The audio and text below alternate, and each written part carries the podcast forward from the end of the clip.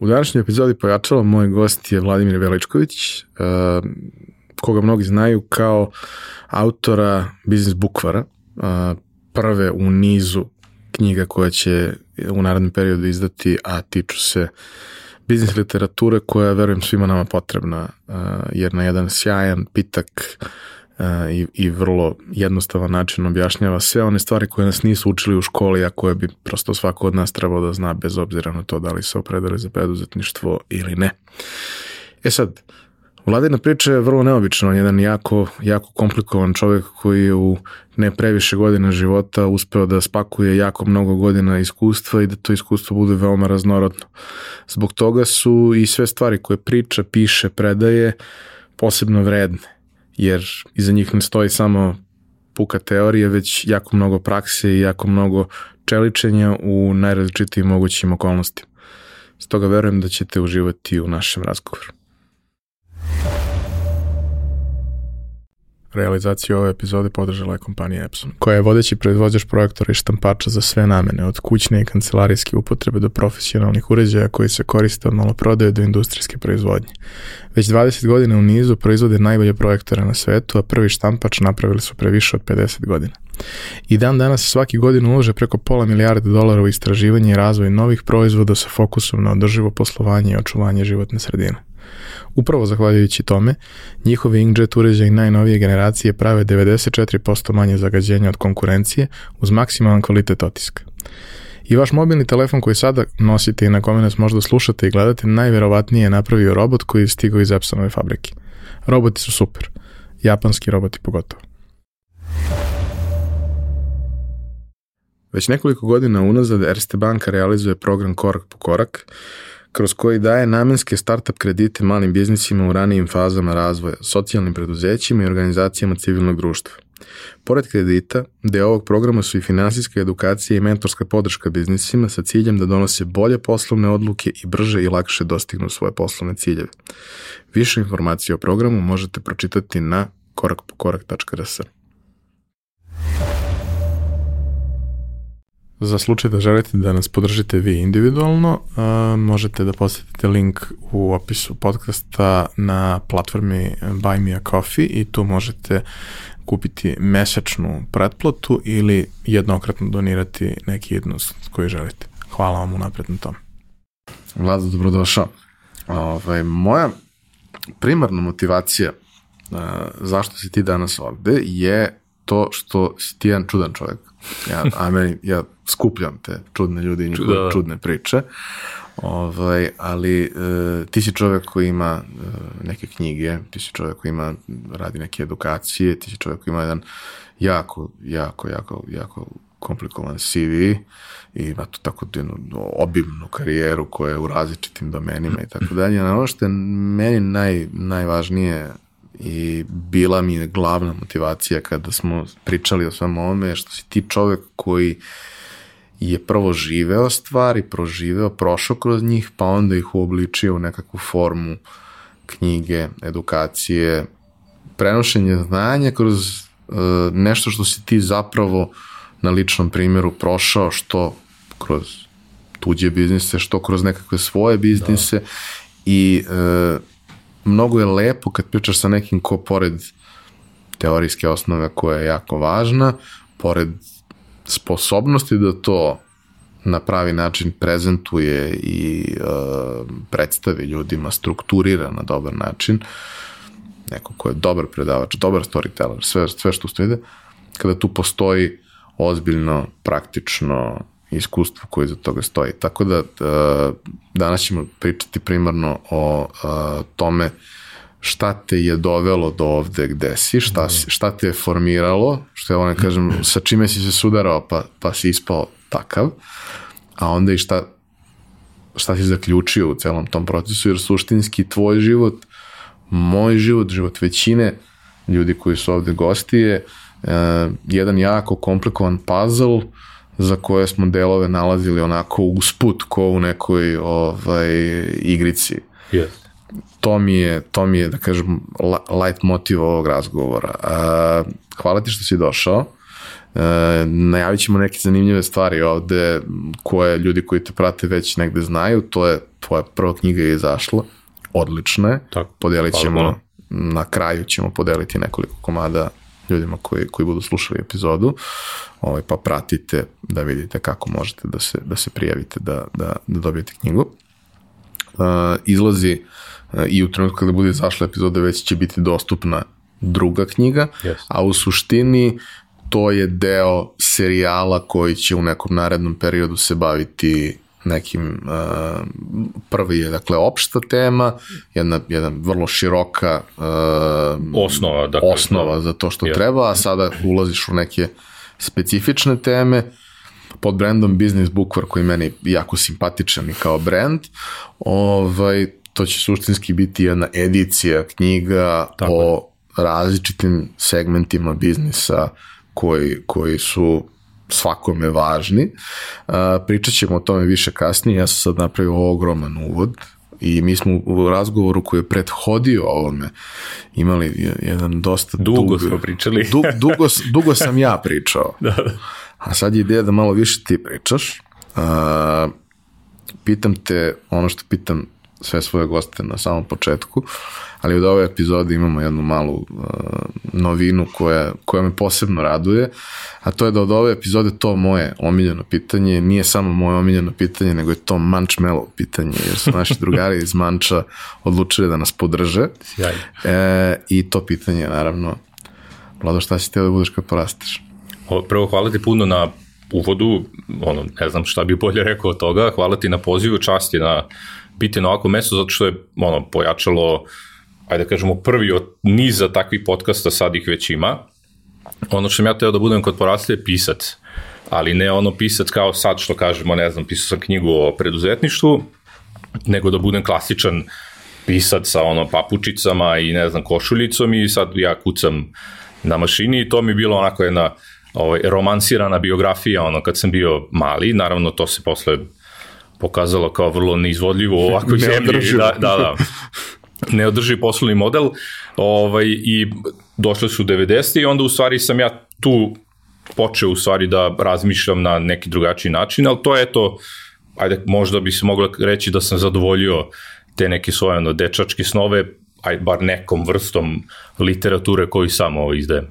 uh, jedan važan deo tvog života i odrastanja je upravo pisanje bilo kroz različite forme. E sad, u ovom samom uvodu kada pričamo o, o ranom detinstvu, tim nekim odlukama, tim nekim trenucima koji su nas usmerili i oblikovali u nekim situacijama i koji su nas možda skrenuli s puta na kom smo trebali da budemo i tako dalje. Malo nas krenu, pa nas malo nas vrate, pa vrate, nas- pa, ovaj, hteo bih da, da probaš da, da mi napraviš nekakav um, logičan sled ključnih da. stvari koje su se dešavale do trenutka kada uh, svi mi dođemo do te, do te tačke u životu kad stvarno moramo da donesemo odluku šta ćemo da radimo. Mm. Znaš, kao, do, računam da je to negde 19. 20. godina. Da. Do tad mm, ok, imaš i dalje mogućnost da se predomisliš 800 puta, ali tad bi već trebalo da imaš neku jasnu sliku. Jeste. E, šta prethodi toj slici kod tebe? Odnosno, kako je izgledala osnovna i srednja škola?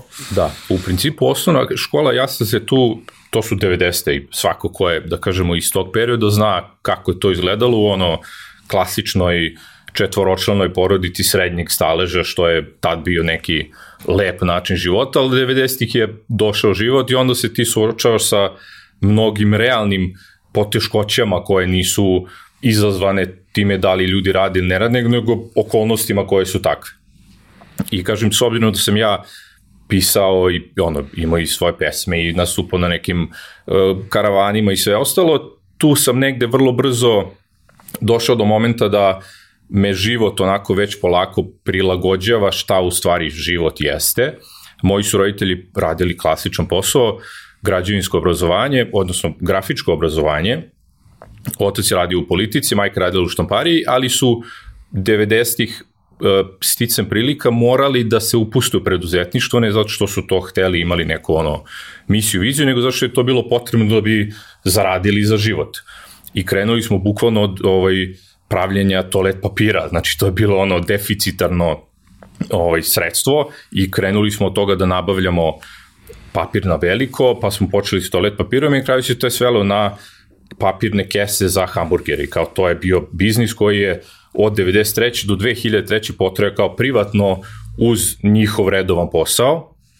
I ja sam tu onda naučio, ne zato što isto tako što sam bio svestan toga, nego prosto odrastanjem u takvom okruženju kao ono borbe, traženje ovo ono, nabavljanje para, šta uzna, znači u stvari prodaja i marketing i nastup i sve ostalo na jednom vrlo bazičnom nivou kao je ono imam proizvod, moram da zaradim neke pare, ajde da ja to ponudim nekom pa da im ako nekom se sviđa, super, ako ne, idemo dalje. I tako je to funkcionisalo.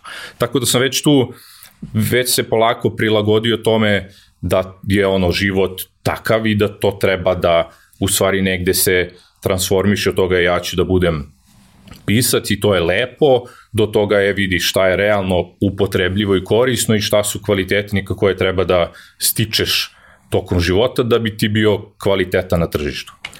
A tokom školovanja jesi imao neke momente, osim naravno pisanja koje si pomenuo da te jeste vuklo i interesovalo, i dosta lepo kad čoveka nešto vuče, a ispostavi se i da ume. Da. Ovaj, jesi imao još neke momente da, da su te neke stvari sa kojima si se susretao zainteresovali? Da su neki ljudi sa kojima si bio u kontaktu bilo da su u pitanju nastavnici, profesori ili neko eksterni, yes. da su ti ono palili neke lampice. Pa tu je razredna igra, aj, pričamo sad i dalje o delu, ja sam ono peti, šesti, sedmi razred, pišem pesme, nastupa na nekim karavanima i bile su dve osobe koje su u tom segmentu mi pomogle. Prvo je razredna koja je isto pisala knjige, pisale pozorišne predstave, Milka Stanković, na Banu Brdu čuvena, i ona me podstakla time da me gurala i da me podržala u tome kao je vidi, ti si kao dečak, tinejdžer, pišeš pesme, svi te ono ismevaju, otprilike tako bilo kao ono ko piše pesme, ali kao eto to je super skill, kao pisanje je super veština, ajde da ti ja pomognem da napravimo od toga nešto. I onda 92. sam nastupao na prvom tom nekom pesničkom karavanu, u 93. mi izašla prva pesma u politici, to mi je bio ono odličan ono, događaj u životu, ta urednica kasnije, znači 10 godina kasnije kad sam realno radio u politici kao novinar, ta osoba i dalje radila urednica kulturne rubrike politike i ono, super nam je bilo kao, je vidi, znam je od kad sam ono klinac i na kraju dođem do toga da sam i kolega, ono što je bilo fenomenalno. U tom segmentu pisanja imao sam, da kažem, dve vrlo bitne osobe koje su me podržale u tome i rekle kao super je to što radiš, to je kao lepa stvar da se, da se dešava.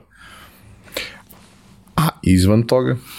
Uh, izvan toga je bio, znači, ajde kažemo, to je ono, moj unutarnji lepi svet romantičarski kao pisanje, a izvan toga je bilo to da u principu smo odrastali u vrlo teškom okruženju, ali da u najvećoj meri moja majka bila vrlo borbena žena i ona je vukla kompletnu priču tog kao egzistencijalnog života, jer kad ti si već tad 90 plati su bile nikakve, to mislim, ja ne znam da li ljudi koji su mlađi, koji prate ovo mogu da pojme kako je to izgledalo, da ti on nemaš ničega, kao nema plate, nema gde da kupiš, nema šta, aj ti se snađi, razumeš. A najgori moment, mislim, ka, to je ono što verujem da većina njih ne može da skapira je čak i da imaš pare.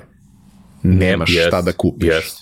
Znači, uopšte više u nekom trenutku imati novac je postalo užasno da, teško. Ne, ništa. Ali čak i da ga imaš, nemaš da, šta da. da kupiš. Znači, ima opcija imam novca, šta ću s njim, nemam šta.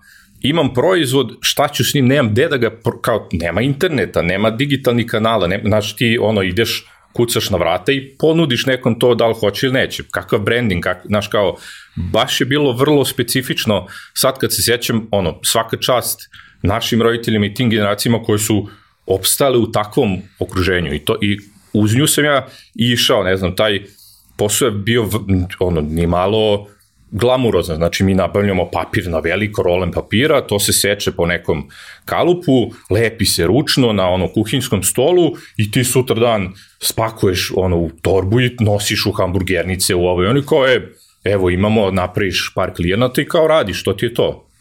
I kažem, sticam prilika, to je opstalo svih 10 godina, niti bilo brenda, niti bilo marketing, niti bilo smisla o tome da to treba da, kao, e, sad ja treba da osmislim logo, pa da ja napravim nastup, pa sajt, pa opa, prvo, niti ga je bilo, drugo, ono, samo je bilo bitno da ti to prodaš što pre, to, to, to su, ono, vrlo realna, što bi se reklo, iskustva u preduzetništvu. A, uh, osim tog, ovaj, porodičnog biznisa da. koji je bio side biznis, ali je bio Tako vrlo, je, vrlo, da. vrlo važan. Uh, kad si počeo prvi put da razmišljaš o nečemu svom, o nečemu što te možda povuklo na, na, na, na neki pa, dalji korak? Relativno kasnije. Znači, i dalje to, uh, znači, jako je takvo, takvo okruženje bilo, takve prilike, ti si dalje živeo u ono, zaostavštini komunističkog doba i sve je vodilo ka tome kao jeste teško, znaš, ti nađeš posao i to je redovno primanje i to je ovako i to je onako i gradiš karijeru i to je 90-ih to i dalje bio ono mindset, znači nije bilo toliko izraženo preduzetništvo i ta crta, nego ja sam onda od to kao je, hoću da budem pisac, onda krenu to super naći dobar posao i ja ću da do, ono, uspem u tome da ja budem direktor neke korporacije, ono, velika staklena zgrada, velika ofis i kao eto, to je bio tad moj dojam uspeha u, u biznisu, kao ti si napravio veliki rezultat. Tako da, ovaj, pritom su neke moje paralelne uh, aktivnosti u tom periodu bile da sam svašta po nešto posle kad sam ono vidio kako to funkcioniše, ono prodavao ploče, pa time se bavio, pa ne znam, ulazi u tako te neke ono honorarno bazične prodajne aktivnosti kao da čisto primetim kako to izgleda, znaš. A što se tiče obrazovanja, kako je taj put tekao? Da, onda sam uh, upisao prvu, uh, petu Beogradsku gimnaziju i opet je taj, pe, mislim, sve to vreme, uh, ajde da kažemo, nije bilo lako u smislu, ja sam i tad po nešto radio. Znači ono što, ono što je definitivno da moja karijera počinje u, ono, na letnjem raspustu između treće i četvrte godine u gimnaziji, kad sam zvanično počeo da radim. Prvo iskustvo je bilo McDonald's i to je jedno od onako vrlo zanimljivih isustava sistema koji postoji na internacionalnom nivou i organizacije malih jedinica. Znaš, kao ti imaš ono McDonald na terazijama i kako svaki od tih funkcioniše na mikronivou, koje je to nivo ono, što bi sad reklo onboardinga, kao oni me uvode pa mi daju neke edukacije, pa mi pokažu svaku stanicu, pa krećeš od toga da čistiš pod, pa onda pređeš na, ne znam, proizvodnju hamburgera, pa kao napredovo si kad, kad dođeš do ono kase i to je već, ti si u nekoj skali tu napravio ne znam šta i eto, to su ti, ta neka iskustva. U četvrtoj godini već sam ušao u politiku, u veliku kuću, meni je ono, to bio san da ja budem novinar politike. Ja, kako si rekao, ušao sam u politiku. Da, da. da A ne, da. misliš da, da, da, u izdavačku kuću politika, politike, da, da, kao mladi, ono, ovaj, ne, ne, to nije bilo, srećom, ali ušao sam u izdavačku kuću politika, u ekspediciju. Znači, to nije čak, nisam ni odma ono, dobio to što sam hteo, nego ekspedicija je pakovanje novine, kao ti noću, ono, pakuješ, ono, babe neke ubacuju one... Zvuči vrlo avanturistički. Da, da, da, ekstremno, jako dobro. O, ovaj, znači, radio sam dva puta nedeljno, to je no, neka polunoćna smena, znači, posle novine štampaju uveče i ti sad, ono, sedi 50 žena u oko mašine, one ubacuju tamo, ti sad pakuješ, to sklanjaš ono, mislim, isto, kažem, ovaj, bazičan posao i nakon nekih godinu dana dobio sam samo preporuku da me koleginica, buduća novinarka, odvela na Beogradsku redakciju i rekla, je video je dečko zna da piše, evo on bih hteo nešto da napiše. I ja se upoznam sa o, urednicom Beogradske i kao, ono kaže, ok, mislim, ja zamislim, nosio sam naoče, klinac 18-19 godina ja vidi, ja bih hteo da budem novinar, ono gleda, pa dobro, ako sedi piši, mislim, šta, znaš, kao šta da mi kaže. Ja napišem par tema i krenu da se objavljuju, to je bio decembar 2001. I, o, i od tada je počela u stvari zvanično moja novinarska karijera i da kažem od, od tog momenta ja svoju karijeru računam kao eto to je sad ovaj, ono, bitna stvar. A ono što se dešavalo u srednjoj školi isto sam, mislim ja ceo svoj život sam vrlo uh, razdovrsnan u interesovanjima. Interesuje muzika, u srednjoj školi sam nastupao u predstavama, pa smo to ono, čitava... Peta je baš bilo specifično A? po tome. Peta, Peta jeste. ima i svoju malu salu. Jest, jest. I tamo smo glumili treći, četvrta godina. Ja se više sećam po tome što je ono, uvijek ti ostanu tako neka ovaj, zanimljive stvari, nego sami časovi kao čas je čas, ono, sedneš, učiš, čuješ i nastaviš dalje, ali to ono šta se dešavalo u hodniku ili u toj sali, mi smo tu spremili 3-4 predstave, pa smo i u o, Patriaršili, i, isto bilo je Kosovski boj predstava gde smo isto glumili. Znači, onako, taj period je onako bio lep što se tiče tih nekih van nastavnih aktivnosti, a opet su u nekoj meri dalje mi značile zbog javnog nastupa, zbog kao toga št, kako se ti ponašaš na ceni, šta radiš, kako pričaš, kako izgovaraš. A faks? Faks, prvo, opet, kažem ti, ovaj, iz idealističkog poimanja sveta pravni, kao to, to sam pisao tada, završio dve godine i napustio fakultet, jer sam radio već uveliko i pravni fakultet je bio uh, relativno se se razočarao. Ja sam idealista po prirodi. Onda je tamo bila ključna scena promena pro, profesora ispitivača. I e sad, ljudi koji su tad studirali, to je funkcionisalo način da ti dođeš u dva ujutru, dva noću, čekaš ispred fakulteta, u osam da se otvori, trčiš na pisarnicu i ko stigne prvih 200 recimo ti kao zameniš profesora, to je tad bilo tako. I meni je to bilo potpuno nepojmljivo kao ti ono studiraš o nekoj etici, pravu i nekom ono sistemu koji treba da funkcioniše neki način, a realno živiš potpuno drugačiji sistem i kao čekaj, uopšte nisam mogao da kopčam taj, ovaj, taj nastup i uh, kažem isto u, u to vreme sam već radio i ono mi je bilo ok, doće bolje vreme, je, upisat ću nešto drugo nekad, ja ću sada ono, radim, znaš, ovaj, i posle upisu management 2008 studirao i tako da, eto, taj neki ono, oficijalni akademski život je bio isto zanimljiv ovaj, i završio se na taj način. A u celoj toj uh, priči sa pravnim, ok, završio si dve godine, nije to malo, to je, ja se sećam par navrata gledajući te knjige, sve to dosta obimno, o, jako, ovako, vrlo, da. vrlo obimno i u, užasno dosadno. Da. Ove, ovaj, Položio uopšte... rimsko pravo kod Žika Bujuklića koja je studirao i zna ko je Žika, to je ono... Mislim, ja sam pričao već u jednoj od prethodnih epizoda da se moj ujak koji je suštinski bio celo moje odrastanje, moj stariji brat, da se on uspavljivao uz rimsko pravo. Ovaj, I ja sam jednom čitao to i shvatio sam zašto on to koristio ovaj, za, za da. uspavljivanje. E, dobro, i ako ti ispadne, sigurno te ošamuti, ovaj, ako čitaš. Uh, jel ti donelo nešto? Jel, kao sve stvari kroz koje prolazimo, da. sve situacije kroz koje prolazimo, na najrazličitijim mestima se posle manifestuju kao yes. nešto što nam je značilo. Ja, mislim, pravo jeste bitna stvar.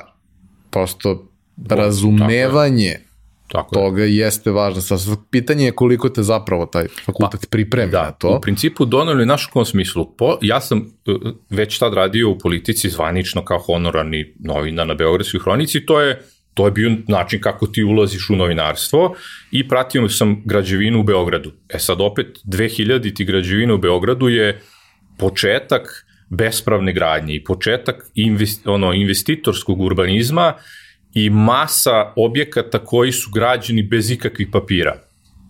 E, to osnovno poznavanje prava je meni pomoglo jer sam dobijao od raznih ljudi, vlasnika parcela ili od investitora, dokumentaciju koja je pravna i si te kao ti treba da protumačiš kao novinar da li je nešto valjano ili nije i koliko ti realno možeš da stojiš iza toga da neko kaže ovo je bespravno ili nije. Tako da u tom smislu mi jeste pravo pomoglo u razumevanju dokumentacije koja dođe do mene i kasnije mi je pomoglo u smislu razumevanja pravnih propisa i kao u, ono preduzetništvu šta ja tu treba da znam od toga da ne napravim neki problem ili da mi koristi kasnije ono u poslu.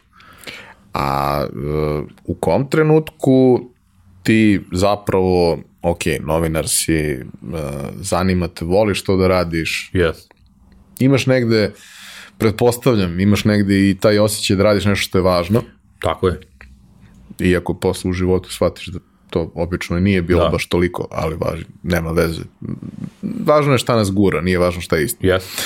Ovaj, uh, u kom trenutku ti krećeš da razmišljaš o nekim drugim stvarima?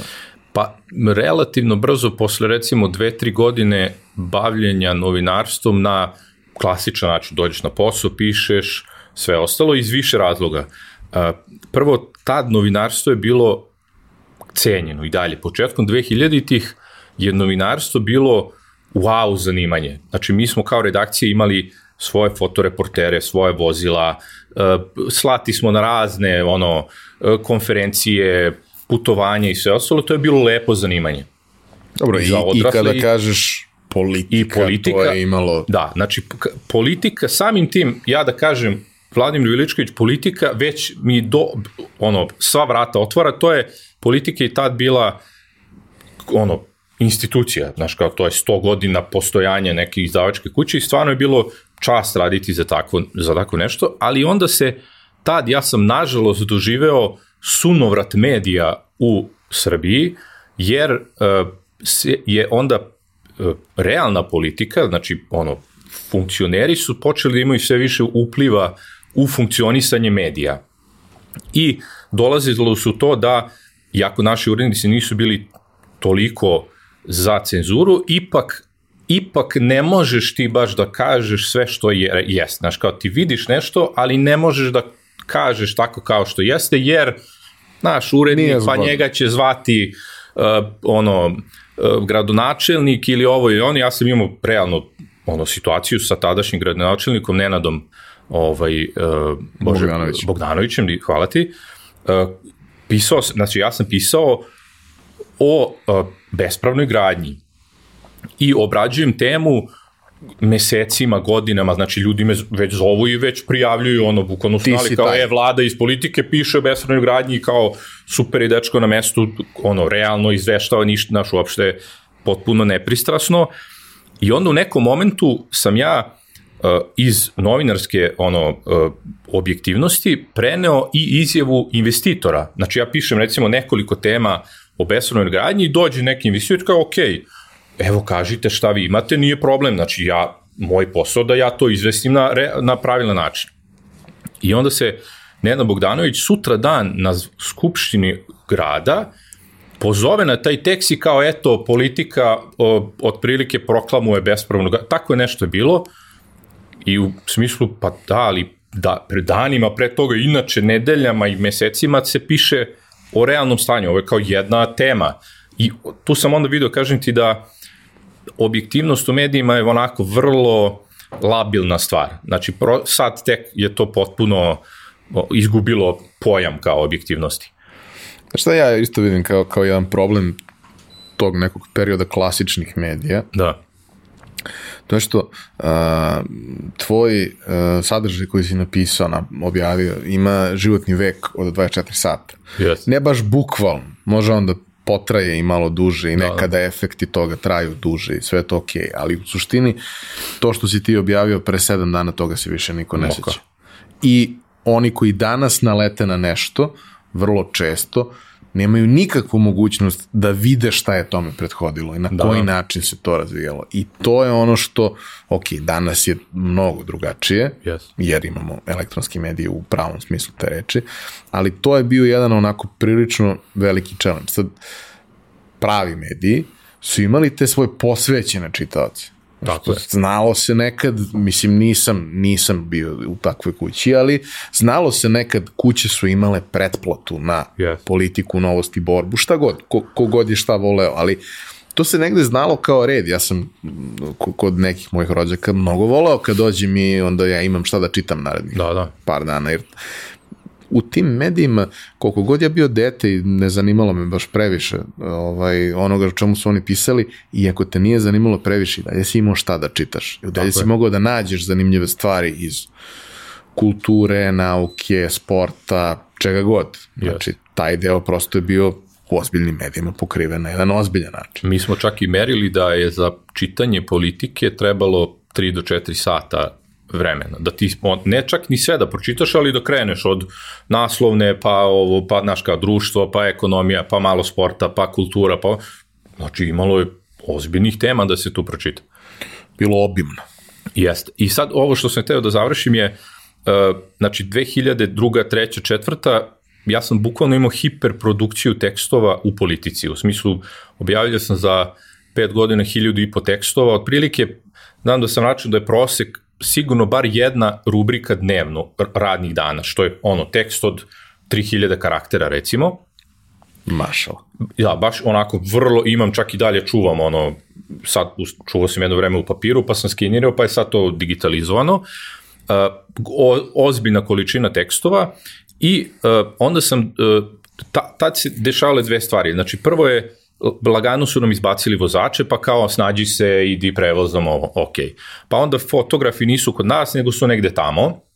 I onda se sve to nekako, moj ideal i vizija novinarstva se polako već urošavala u smislu, nije to baš tako sad kao što jeste, a sa druge strane onda sam postavljao sebi pitanje kao, ok, uh, znaš kao, objavljio si teksto i na naslovno i ovo i ono i kao šta ti tu očekuješ, šta ti možeš da postaneš, postaćeš urednik sa 26, 7, 8 i šta dalje, kao šta ti dalje u medijima radiš, ne, znaš, da postaneš direktor teško u takvoj strukturi, ima u vidu da je politika tada imala 2000 zaposlenih, to je ogroman sistem, ogroman, znači ogromna korporacija.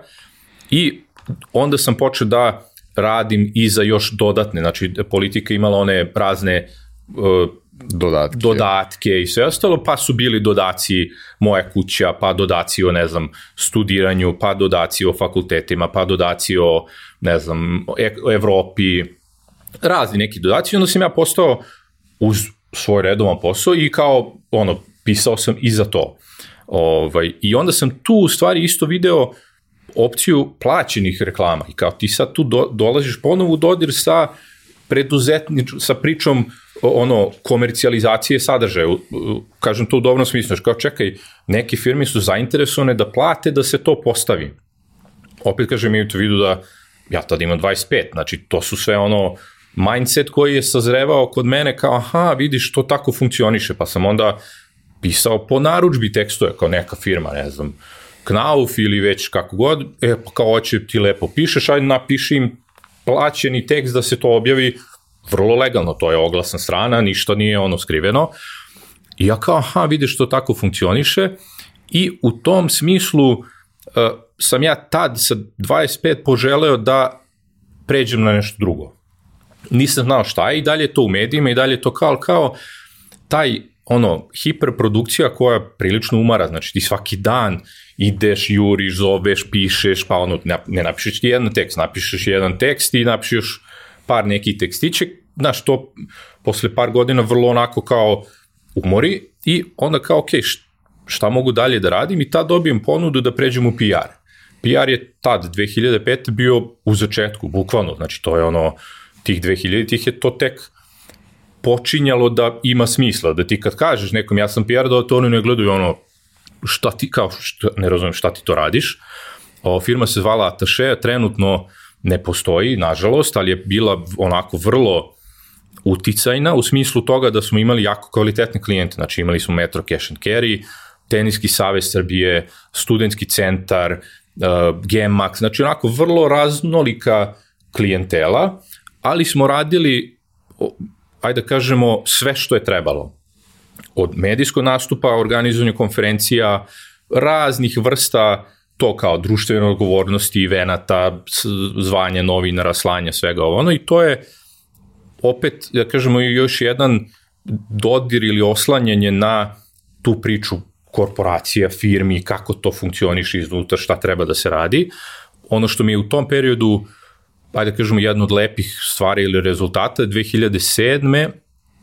smo dobili nagradu uh, društva PR-a za kampanju koja se vodila povodom trovanja studenta u studentskom centru, mislim, vrlo ono, neugodan, neugodna situacija i loša stvar, to je bilo, u, mislim da je na Novom Beogradu bilo, i način kako smo mi to uh, uradili, da smo vrlo otvoreni bili prema tome. Znači, nije bio kao fazno PR-a, e, ne, ne, ajde da mi to da se pravimo da se nije desilo, nego, e, mi smo rekli da se to desilo, oformili tim koji će da proveri šta se dešava i sve vreme bili 24 sata na usluzi medijima da oni dobiju kvalitetne informacije, znači od realnog izvora, ne kao mi se pravimo da smo ludi, a dolazi ti sa svih strana, ne nego kao desilo se to i to, svi su zbrinuti, evo ga tim koji će da ispita sve relevantne ono, okolnosti, šta je bilo, ako se pronađe odgovornost neko da odgovara i to je to bila,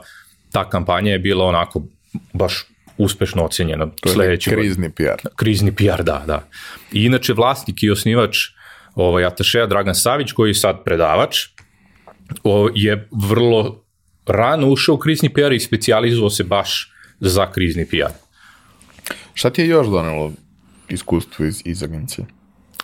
Uh, pa, način rada sa klijentima, uh, onda uvid u rad, znači Metro Cash and Carry je velika firma, oni su, to je ono, nemačko-austrijski koncern, kako god je već, pa smo tu onda radili, ne znam, snimanje promotivnog klipa, pa kao, aha, kako izgleda korporativni snimak, šta tu sve treba da se zadovolji, ali u najvećoj meri uh, opet uh, brušenje izveštavačkog, odnosno tog uh, spisateljskog dela i uh, ono što je isto jako bitno je uh, da uh, networking, jer je tad to bilo osnov, znači tebi je posao da ti konstantno održavaš kontakt sa urednicima, sa novinarima, da ti konstantno održavaš kontakt sa javnostima, sa, znači sve te neke pozicije koje su morale da budu zadovoljne, ko,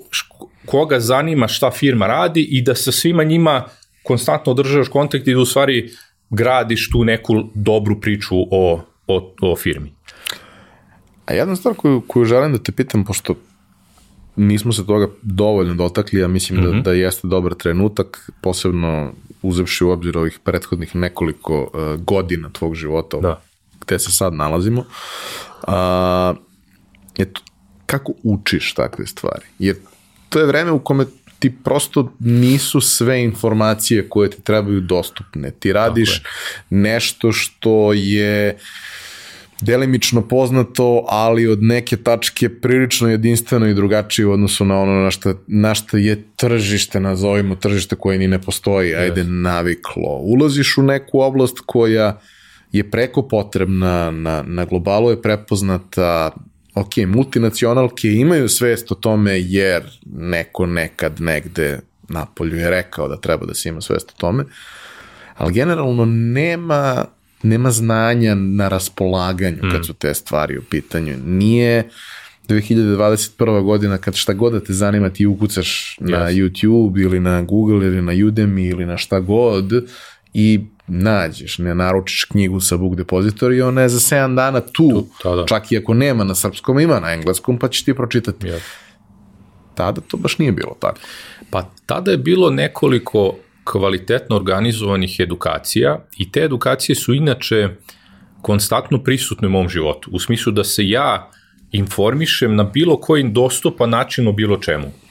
U to vreme tu su bile edukacije, dok sam u, i u novinarstvu sam nekoliko edukacija završio o tome, izveštavanje, to je uglavnom bilo sponzorisano od strane Evropske unije, neki fond je napravio preko ono, nevladine organizacije i onda, ono, ne znam, samo je bilo za novinare beogradskih redakcija, pa kao izveštavanje o, o lokalnim prilikama i tako nešto je bilo.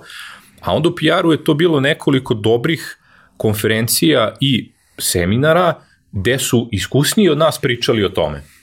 Nisu oni bili nešto na ovom tržištu preterano iskusni, ali su prosto otvoreno pričali, kao ti sad odeš kod, ne znam, Varagića, koji je tad ulazio u internet i kao ti tad tek saznaješ za pojam ono, PR-a na internetu, pa kao, aha, vidiš tu sad neki mediji postoje da ti ne moraš da zoveš novinara, nego ti sad pošalješ njima i oni na portalu objave.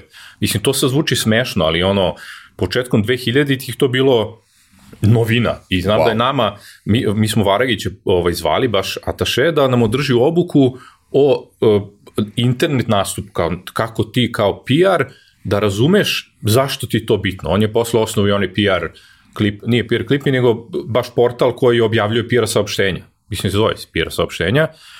Ovaj, I tu u stvari na realnim primjerima, najviše na realnim primjerima si ti kroz iskustveno saznavao, znači ti nisi imao odakle, ili da ono, istražuješ, mada što ti sam kažeš, dostupnost informacija nije bila na ovom nivou kao što je sada, nije bilo servisa kao što je Udemy, znaš kao ne postoji elektronsko ovaj, obrazovanje, nego ti ono, pronađeš po nekim tekstovima, pratiš šta rade druge agencije, tad se mnogo više interno pratilo kao je, kako ko vodi klijenta, šta oni rade, kako su im izgledaju saopštenja, sa kojim novinarama se rađuju, ali dosta to bilo pešački, znači ja sad da napravim adremu, ono, spisak zainteresovanih medija, zovem redom redakcije pitam ih, je, mi imamo to i to, radimo tog tog klijenta, u nekom momentu ćemo slati neka saopštenja, ko radi to kod vas i kao ti onda vidiš se s čovjekom, popiješ kafu, poznaš se i tako, znači, ono, na, iskustveno se saznavalo.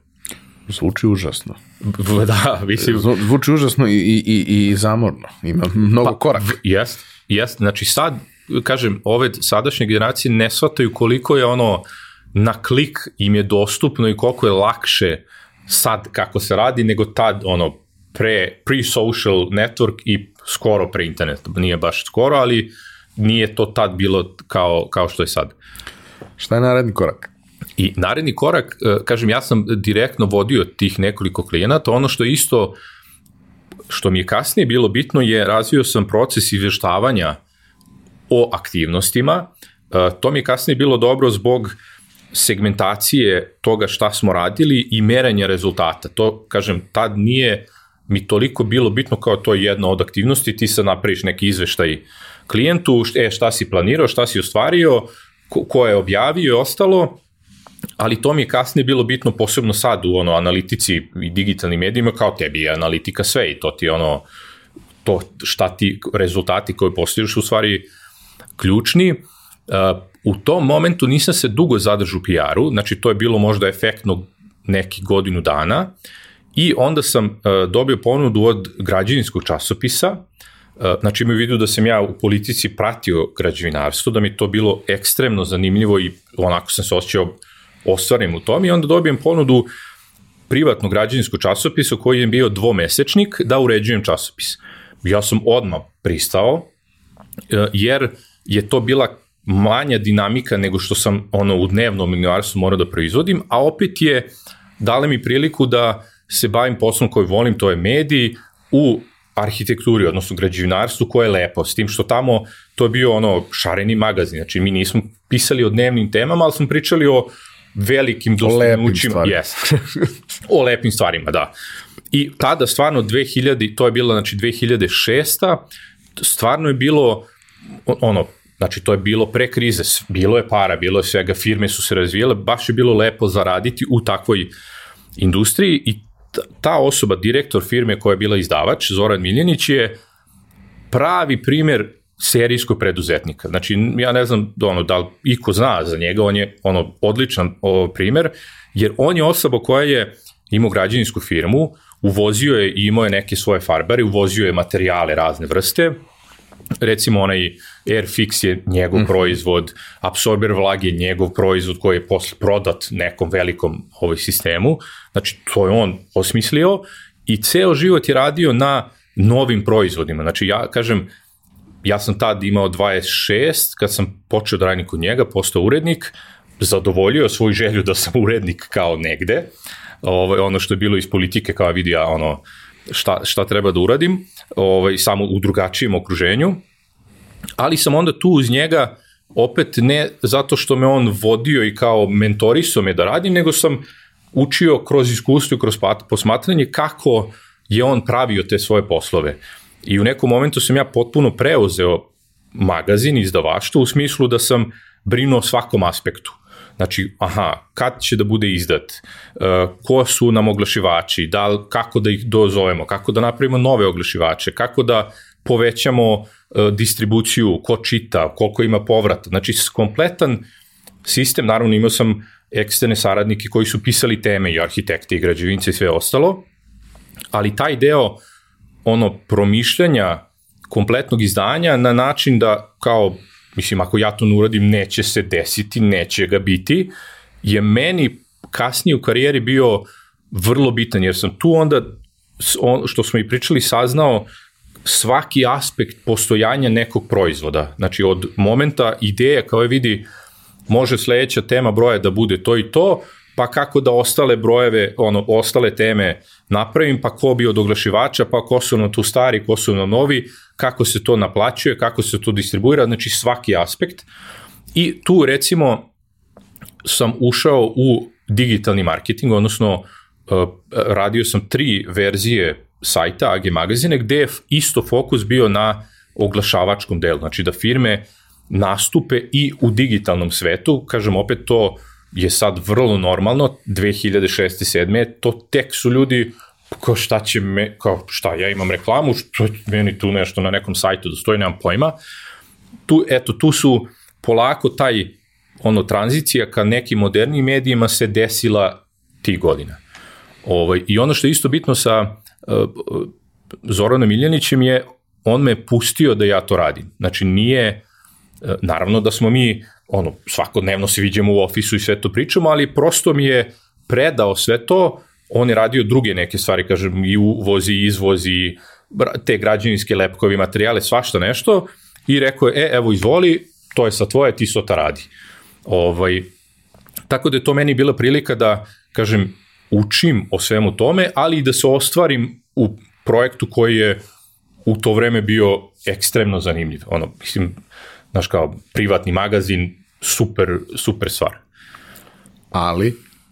E sad, tad mi se javila ideja o knjizi, e, zašto? Jer sam tad video moment i sada je, nažalost, da građevinske firme su specifične po pitanju marketinga. Znači, ili smatraju da im ne treba marketing, jer kao mi imamo poslova, ne možemo da stignemo ovo ono, ili smatraju da njihova ciljna grupa nije ni u kome, znaš kao, to ne može da se dešava, ja moram da sednem čovekom, da pojedem, da popijem, da napravimo posao. I tad mi je došla ideja da uh, napravim knjigu koja će se ticati marketinga u građevinskim firmama. Uh, čak sam i dogovorio, EKP je tad bila jako zastupljena, da oni podrže projekat u smislu da ja objavljujem tu teme, da oni najave knjigu i sve to i to se desilo. Zašto to nisam uradio? Zato što mi se činilo da sam prelako došao do toga. Ne znam kako da ti objasnim. Znači, bukvalno sve sam imao kao sve dogovoreno, sve su, ja samo trebao da sednem da napišem i meni to više nije bilo zabavno. Ne znaš, ono, da li sam bio da mlad ili sve. Život. Hm? Voliš sebi da komplikuješ da. život. O, I odustanemo te ideje i, i ta ideja mi dalje ono progoni što bi se rekao, čekaj što ti to nisi uradio, to je baš bilo potrebno tada i sada, ali nema veze. E, onda sam tu počeo da malo filozofiram, što bi se reklo, I onda taj posao me opet posle dve, dve i po godine nije dovoljno zadovoljava. Uvek, u, znaš, nekako uvek imaš potreb, kao, ja, bar ja sam se uvek pitao kao, ok, šta sad? Kao, ok, evo, super, imaš časopis i ti si urednik i kao radiš sve na tome i super je to sve i šta dalje? Znaš, kao šta se sledeće dešava? Umeđu vremenu smo privatno, znači isto tako u momentu kada sam ja prelazio u AG magazin, pokrenuli portal koji se zove troublemaker.com. Možda si čuo ili vjerojatno jesi. E, Nenad Novković, drugar moj, isto, mislim, meni i dalje zovu Vlada Troublemaker i mail adresa mi je vlada tm i dalje, znači, ono, 15 godina dalje, ovaj, smo ubacili taj privatni portal za, uh, kako bih te rekao, alternativnu kulturu, jer to je već uveliko period kada ti kad je rock and roll zamro, ti nemaš te da čuješ, kada masa kvalitetnih ljudi nije već imala prostor u medijima, kao i da mi to popularišemo. Zašto? Pa, ajde, eto, zato što je to lepo i hoćemo to da radimo. I taj projekat je trajao od 2006 skoro 5-6 godina iz čistog entuzijazma. Znači, to je ono, uopšte nije komercijalna stvar, nego ja sam pisao neke teme, tekstove, organizovali neka dešavanja, pojedini tamo kolege ili prijatelji su organizovali koncerte, e, onako vrlo, znaš kao, ona lepa priča iz, ni iz čega je napravljena. Ovaj, tu smo čak i pisali projekte, to je jedan od uh, načina da sam ja ušao u projekte, kao, e, ne znam, bio konkurs koja se zvala u Jevrejskoj ulici, nebitno, neka nevladina organizacija, i one su raspisali konkurs upravo za tako nešto, znači privatni mediji, koji se bavi urbanom kulturom i tu smo podneli, na kraju dobio B92 mislim nebitno, ali smo mi kao tu ušli u taj moment ono pisanje projekta, kako to treba da izgleda, struktura, sve to, što opet mi kasnije značilo u, u životu. Uh, I došle... Becker je bio jako interesantan uh, fenomenološki, zato što je period pre toga mm. obeležilo to da si ti imao neke vrlo e, neredovne, iako jako interesantne, vrlo neredovne i nestrukturirane fanzine koji su ljudi izdavali. Yes. I kao, to je to. Da, da. Znaš, imaš, ne znam, počele su da se pojavljuju story, glorije i tako dalje, ali to je neki lifestyle koji nema veze da, da. sa ovim toliko.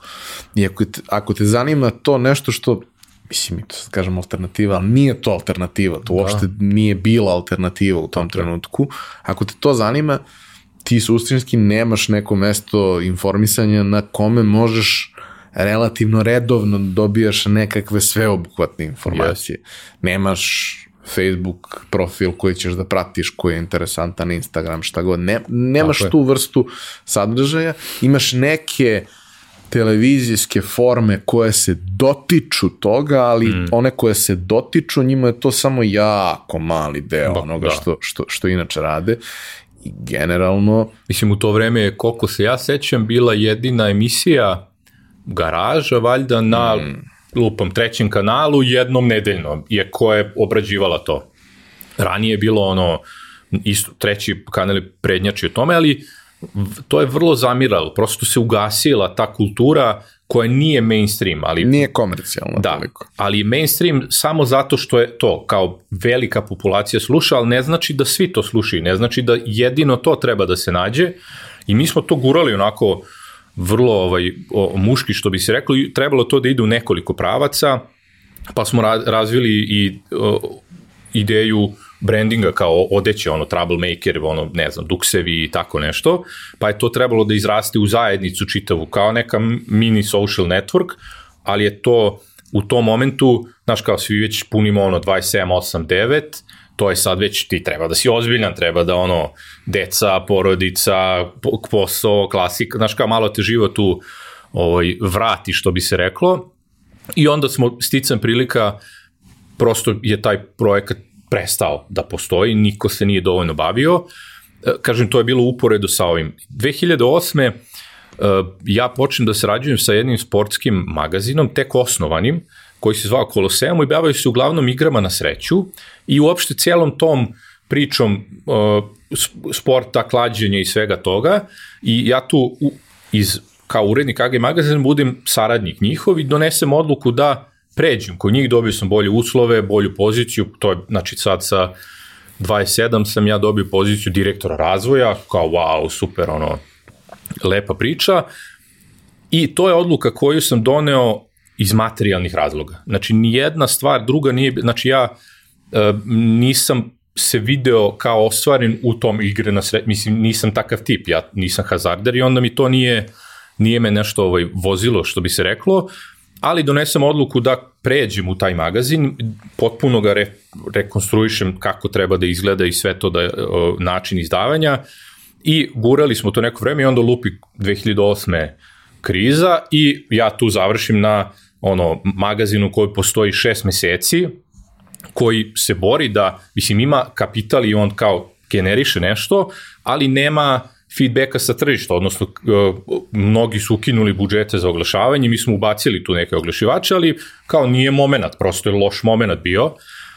Ovaj, I tu smo se koprcali još neko vreme, 2008. i onda smo, ono, posle šest mjeseci kao, ovo, apsolutno ne ide, prosto nije prilika za to i kao ajde da, da više to ne radimo.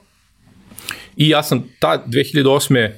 imao ozbiljnu, ajde kažemo, krizu u smislu št, kao gde sam sad, na šta se da, dalje radi, šta treba da se desi, jer opet je moj background bio uglavnom medijski, kao ja sam tu ono, novinar, urednik, PR, sve to negde vezano za medije, u, u izdavaštvu i sve ostalo, i kao, ok, onda tad uđem u privatno preduzetništvo i uh, počnem da se bavim distribucijom nekih suplemenata i sve to, to je vrlo blisko onom mrežnom marketingu i svega toga i taj, u tom, toj situaciji, jako je to opet izmoranja, me taj sistem isto naučio mnogo toga. Ne znam da li si možda imao dodira sa tim ili se bavio, ali je, to je opet sistem koji te pušta sve sam da radiš. Znači ti si sve, ti si preduzetnik, izvoli, da li si uradio nešto nije, dobiješ tu edukaciju, dobiješ mentora, dobijaš konsulting i sve to, ali ti moraš da radiš, to je tvoje, nema, znaš, nema ono, e, ja sad imam zaposleni, ja ću sad njima da delegiram i svako radi svoje. Ne, nego ti radiš sve. I nosiš i reklamiraš i pričaš i zoveš i deliš letke i šalješ i štampaš i ono.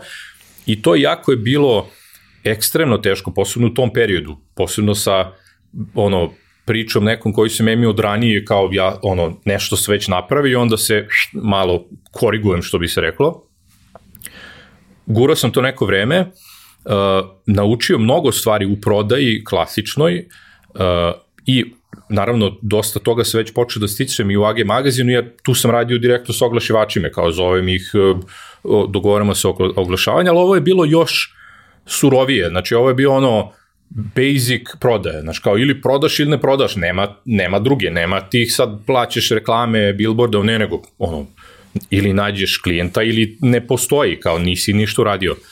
Ovaj, I 2009. se vratim u Ataše, bilo je nekih dobrih projekata, dobili su Cisco i tako neke velike stvari i ja se dogovorim sa direktorom da se vratim tamo i da radim te neke ovaj, projekte, ali tu sam već negde spoznao da takav ono linearni način neće mi dobro doneti. U smislu moram da imam backup u kakvu god, znači moram da postoji još neke stvari koje sam ja radio komercijalne da me zaštite i od sebe, jer kao ja sam ono preduzetnik, idealista i ono vizionari kao super, ajmo, krećemo tek i takve stvari, znači mora da postoji uh, zaleđina da ja i kad donesem pogrešnu odluku me katastrofalno ne košta ne znam da li ono, Razum, razumeš, ali i onda 2000 radimo, 2009. radimo to, uh, ja sam već u, uz to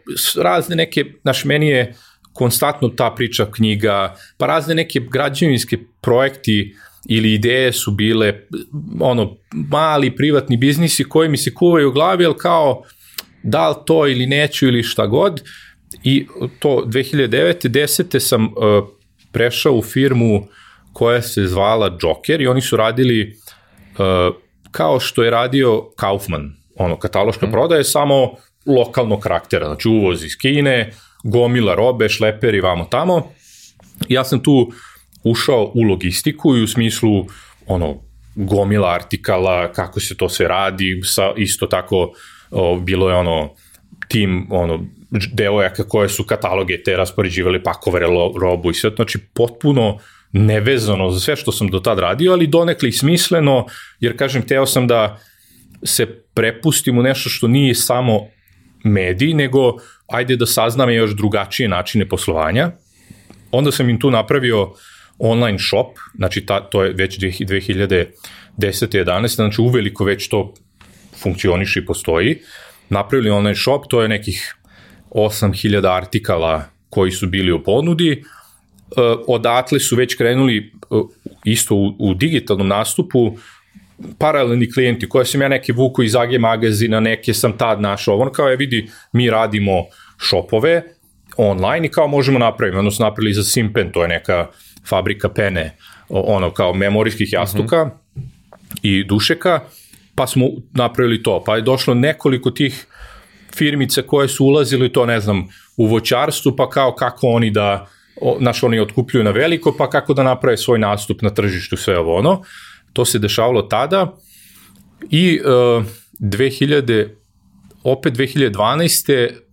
ja sam iz te firme prešao u, u svoj ono, privatno preduzetništvo, u tom smislu kao već sam imao neke klijente, već sam radio ovaj, ono, za nekog i kao ajde da neke svoje stvari pokrenem. Radio sam sa Ćosićem, duše on je to je njegova stvar, stepa.rs, uh -huh. tu sam kao vodio taj portal, pa smo ono gledali načine monetizacije i onda dosta sam bio aktivan u tom segmentu, pošto je tad nastalo to naselje, interno u udruženju naselja i, i u svemu tome što je to činilo kao kako da se mi ono e, postavimo. To je možemo reći, najinteraktivnije naselje koje postoji u Srbiji, jer svi su vrlo uh, osvešćeni, svi su vrlo aktivni da ono postignu nešto tamo i da učine boljim svoj stil života. I to je, znači, tih 2012. 13. 14. je meni bilo na klackalici privatnih poslova i projektnih poslova, tako kažem, znači poslova koji, gde sam radio za određene firme, u, uglavnom u prodaju i razvoju, ali nisam se zadržavao jer nisam hteo, znači već sam hteo da potpuno idem u svom nekom smeru. Recimo tu jedna od zanimljivih stvari je Homemade Company, to je ono, uglavnom su svi čuli, oni kolačići lepi ovo ono. Mhm. Tu smo, uh, i to je bio moj ovaj, deo posla, taj business sales, odnosno razvoj uh, uh, cateringa, kao catering usluge, ono, pošto su oni išli po kafićima i ceo taj ono klijentela koja je imala proslave i tu, sad kažemo to je opet posle ovaj krize, već su firme se stabilizovale, već su imale neke budžete, pravili koktela, ono i onda je otvorio se prostor da se tim firmama ponudi da oni kao naručuju kolačiće ovo ono.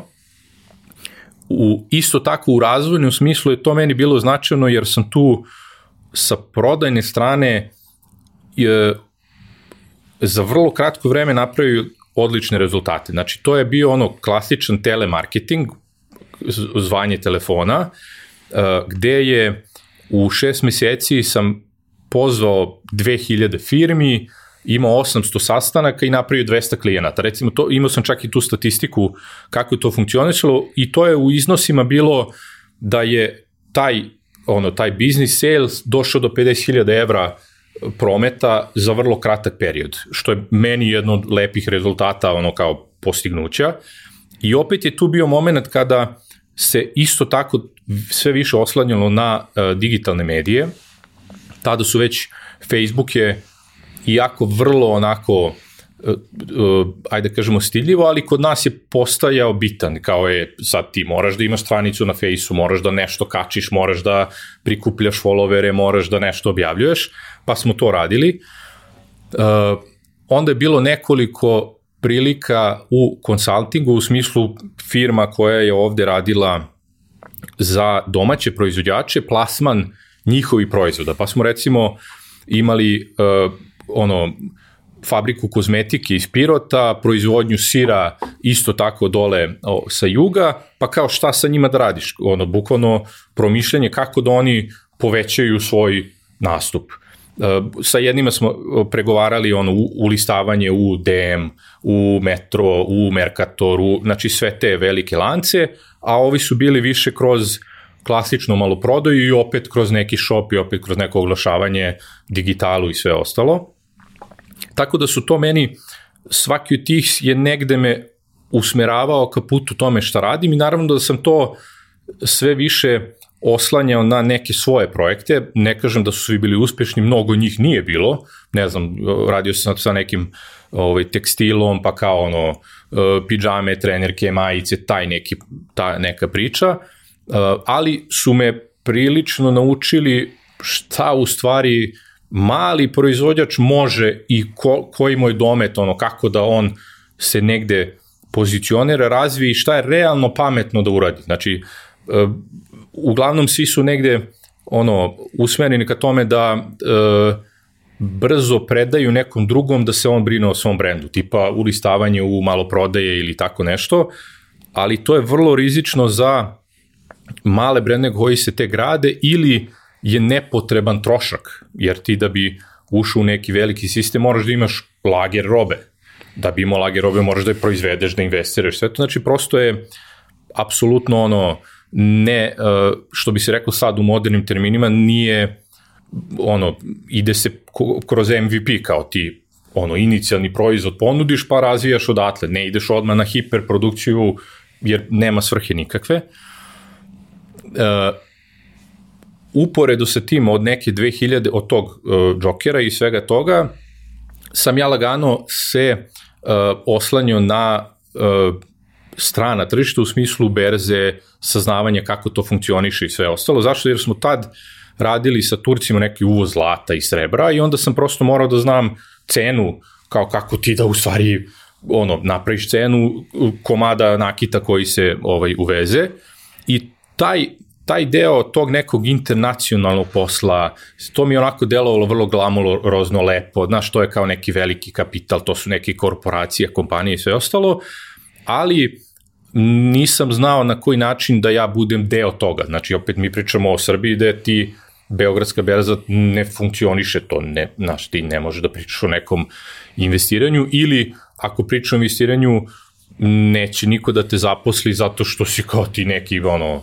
entuzijasta koji to hoće da radi, niti mi to bila ideja i onda u tom momentu, znači tih od 2000 do 2015. sam ja čitao, završavao kurseve, upoznavao se sa platformom, sa svime time i 2015.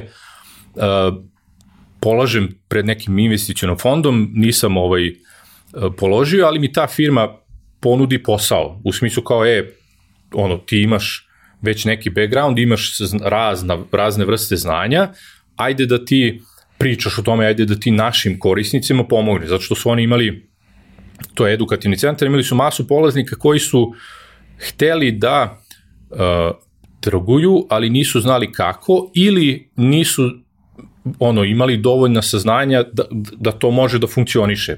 Tako da uh, 2015. sam ušao u edukacije i počeo da radim na tome. Naravno, kažem, imali su dosta onako uh, rigidne uh, rigidan pristup tome kako da ja to postanem, znači morao sam da završim kažem, i razne neke testovi, neku menadžment školu i sve ostalo, da bi mogao da stanem pred ljudi, da ja sa njima nešto, ovaj, nešto pričam i odatle je polako krenula uh, ta edukativna priča o uopšte preduzetništvu. Uh, uporedu sa time, znači od, od 2015. do sada je onda čak i malo ranije, ali ajde da kažemo da je to neki period da sam stalno imao više paralelnih poslova. Znači, uglavnom klasičan posao za nekog, svoj posao, trading, svašta. Znači, tu se već lagano se to razgranavalo ono 2008. 9. 14. ali sad je bilo prisutno sta, konstantno od, i od tada do sad. Uh, I onda, znači, na tom nivou uh, klasičnog posla, to je, kažem, rad u edukativnom centru, uh, 2017. sam dobio ponudu non-stop fitnessa, to verovatno su ljudi čuli, švedski fitness ja. Da. lanac, uh, oni su tad imali jedan objekat u Beogradu, uh, došli su do mene preko headhunting agencije, jer kao hteli su da me angažuju za menadžera, meni to nije, nije bilo zanimljivo, niti je to bio tad moment. Uh, Eh, ali sam se razumeo sa vlasnikom, pošto je on inače imao plan da se to razvija u Beogradu i Srbiji i šire, eh, i onda je, eh, prosto smo napravili deal da ja mu pomognem ili radimo zajedno na tome. Znači ja sam bio direktor razvoja, hm? Konsultantski? Ne, ne, ali baš zaposlen. Znači Aha. ja sam tad bio, za, radio sam ja i dalje, znači meni se ono formalno pravno menjao ovaj taj segment, iako su i druge neke stvari postale uporedo sa svim tim. Znači ja jesam radio pored non-stop fitnessa kao konsultant, jer je tako bilo dogovoreno za neke klijente, ali ovo je bio, da kažeš, mhm. -huh. ono, linearno posao koji mi je bio kao Priman. najveći deo vremena. Hm? Priman. Primaran posao, da. Mada su, ono, da kažemo, vi, i u financijskom smislu su bili vrlo egal, ali o, ne, nije to bitno. I ja sam bio na poziciji direktora razvoja, e, gde smo u relativno kratkom periodu, znači od 2017. do 2019. od jedne došli do sedam lokacija, od ono 7 do 10 zaposlenih do 50 zaposlenih, od ne znam prometa u desetinama hiljada evra do stotina hiljada evra mesečno. To je onako bilo vrlo lepo iskustvo razvoja e, isto tako jednog nepoznatog malog brenda u kompaniju. Znači, mi smo ono, to je bio startup koji je testirao tržište tako što su otvorili lokaciju na autokomandi. Sećam se. Godinu i po dana je to ono funkcionisalo i onda bio moment, e, ajmo dalje. Uh, I tu sam ja, znači ja sam našao posle, to mi je bio onako isto vrlo zanimljivo iskustvo, zato što sam direktno našao, pregovarao i uspostavio rad u većini ostalih teretana i o, na način da sam, kažem, sve te neke, naravno sa, sa saradnicima, ali ključne e, stvari koje se tiču real estate-a, kao koji prostori su dobri, e, marketinga gde da nastupamo, prodaje kako da mi to monetizujemo i sve ostalo, dakle sve je to o, bilo u mojoj kontroli i o, ajde kažem da je tu možda najviše došlo do izraza, izražaja sve ono što sam ranije radio. Znači, tipa moje bavljenje urbanizmom 10 godina ranije u novinama i poznavanje prilika u Beogradu u građevini i uopšte to što sam vodio građevinski časopis mi je pomoglo da znam koja lokacija će dobro da radi. Opet ne sa teoretske strane, nego sa iskustvene strane, znaš kao, čekaj, ova ulica je dobra, zašto? Pa zato što tu ima market, ima studenta, ima ovih, ima ovih. Mi smo čak napravili i specifikaciju toga kakve objekte treba da gledamo. Znaš, tipa, ako mi sad hoćemo da taj proizvod, ono, ili taj sistem prekopiramo u Rumuniju ili Bugarsku, da bukvalno neko odande možda dobije da kaže, aha, treba da tražim to, znači dostupnost, saobraćajnice, marketi, sve, i da tu napravim lokaciju i znam da će ona da funkcioniše. I to je bilo vrlo lepo iskustvo, posebno kažem u tom korporativnom razvoju, znači od ono, relativno male organizacije, kako to može brzo da naraste i kako da ti u stvari možeš da koordinišeš sa svim tim ljudima koji odjednom sad dolaze u tvoju firmu. Kako da ti to ono uspešno sprovedeš da su svi oni negde ono što bi se rekao kao u skladu sa nekom vizijom osnivača, sa ono nekim vrednostima i sve ostalo, da to izgleda kao pravilan sistem. Sve to vreme tog što ti kažeš ovaj, ono, osnovnog posla, ja i dalje radim kao predavač u Profit Pointu i dalje držim edukacije i u nekom momentu uh, se stvorila ideja da uh, se prosto ljudima ponudi malo više znanja o finansijama uopšte i o razvoju preduzetništva, kao kako da neko pojmi prvo da li je to za njega i drugo šta da uradi, kao kako da on tu negde počne. I onda sam ja uh, držao desetine obuka, od čega je taj neki uvodni deo bio besplatan, znači to je potpuno bilo ono, ajde kažem, entuzijazam uh, i vlasnika firme i, i mene da mi to onako dajemo znanje besplatno, ali sam ja se prilično pripremio za to u smislu da sam strukturisao predavanja po sistemu stranih finansijskih planera. Znači nije kao fazone ja sad vama pričam nešto ovako onako, nego šta, pošto mi kod nas nemamo licence za finansijsko planiranje, šta je to što se traži inače u svetu i na koji način da ta znanja budu praktično primjenjiva kod nas. Znači ne da ja sad uzmem, pošto masa njih ovaj, citira Kiyosakije i tako neke knjige, pa kao, e, Kiyosaki, znaš, ovo ono, jeste, ali to je kod nas neprimenljiv sistem, kao i masa tih knjiga, nije, prosto nije, nije to to. I onda smo mi ovaj, uh, došli od toga da, ajde da mi to napravimo lokalno primenjivo u Srbiji kako da pojedinac živi bolje. I uh, zvala se edukacija od finansijske uh, pismenosti do finansijske nezavisnosti i kažem tu je gomila ljudi od ono, bukvalno bez ikakve predrašto do domaćice iz nekog malog mesta u Srbiji do profesora fakulteta su slušali to predavanje, bilo je u najvećoj meri i online, jer to je kao dostupnost ovaj, informacije, bilo je uživo, je trajala ta, ovaj, trajala ta edukacija vrlo intenzivno, znači 5 dana po 2 sata. Baš onako svašta smo nešto radili, Najveći deo toga se nalazi i u knjizi Bizni bukvar. Mm. Znači, ta knjiga je nastajala, da kažemo, iskustveno sve to vreme mog bavljanja poslom do tada i kasnije, a realno praktično je pisana sigurno šest meseci. Znači, u momentu pripreme skripte za ta predavanja, provere kasnije, jer ono, ti naravno kad pričaš o nečemu, primetiš da li to nekog zanima, da li ima realno efekta ili nema i prosto da li je to nivo informacije koje hoćeš da saopštiš.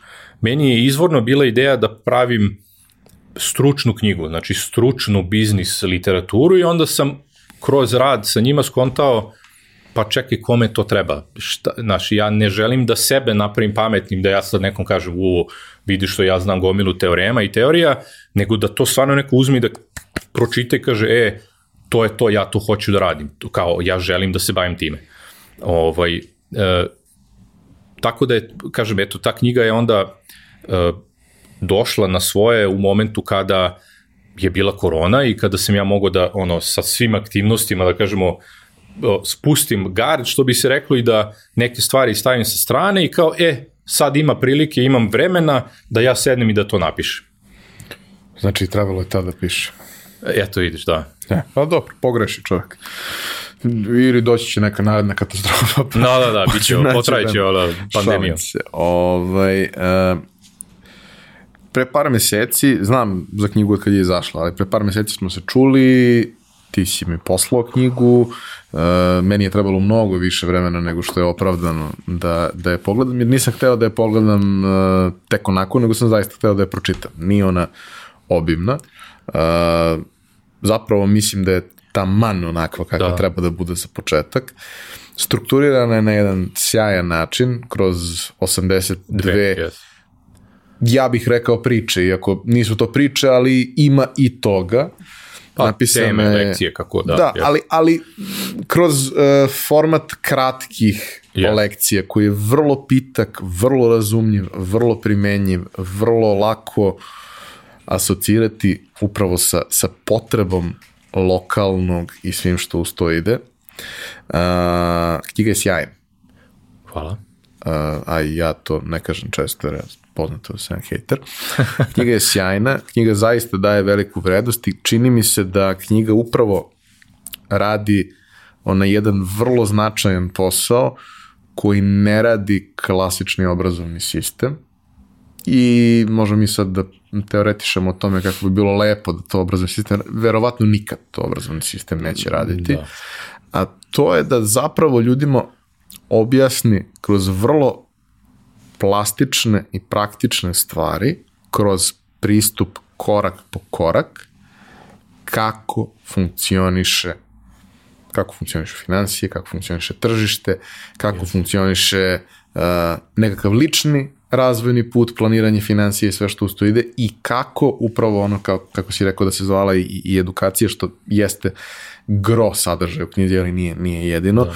to je kako da od finansijske pismenosti, sa čim imamo užasan problem, dođemo do toga da određeni ljudi, naravno, koji zaista pokažu interesovanje, spremnost yes. da se angažuju i tako dalje, dođu do toga da budu finansijski nezavisni i šta to uopšte znači, jer vrlo često kada pričamo kada pričamo, jeli, ok, ja sam i u IT-u, i u marketingu, u sličnim krugovima se krećemo, mi imamo da. gomilu ljudi u svom okruženju koji ima ogromne plate. Yes. Oni nisu finansijski nezavisni. Tako je. Mislim, oni mogu da postanu, to je dobar preduslov, ali oni nisu nezavisni, oni kada prestanu da idu na posao, yes. oni više nemaju te plate. Vrlo redko ti ljudi imaju bilo kakav zdrav odnos prema tom novcu u smislu da prave nekakve rezerve, rešavaju neka ključna pitanja u životu, razmišljaju o tome Tako na taj način.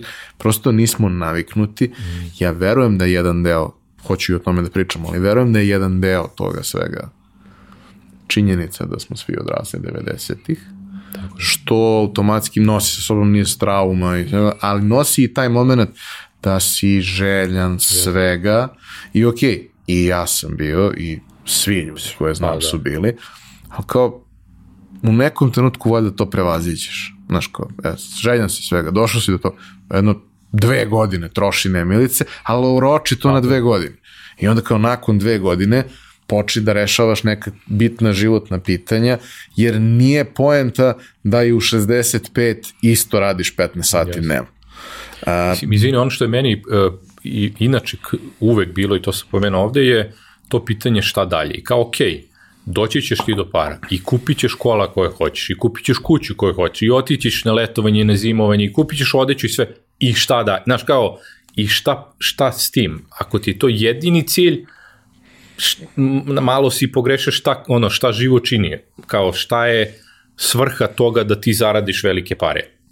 Mi, nažalost, i čitav sistem je potrošački ustrojen, znači ti si ono programiran da radiš i da trošiš i da radiš i da trošiš i da više radiš i više zaradiš i više trošiš. Nisi programiran da pametno trošiš i ne trošiš kad ne moraš da trošiš, nego da ono štekaš pare. To, to kod nas je, inače u svetu i kod nas je to jako veliki ono obstakl, što bi rekao, ogromna prepreka u, u mindsetu ljudi.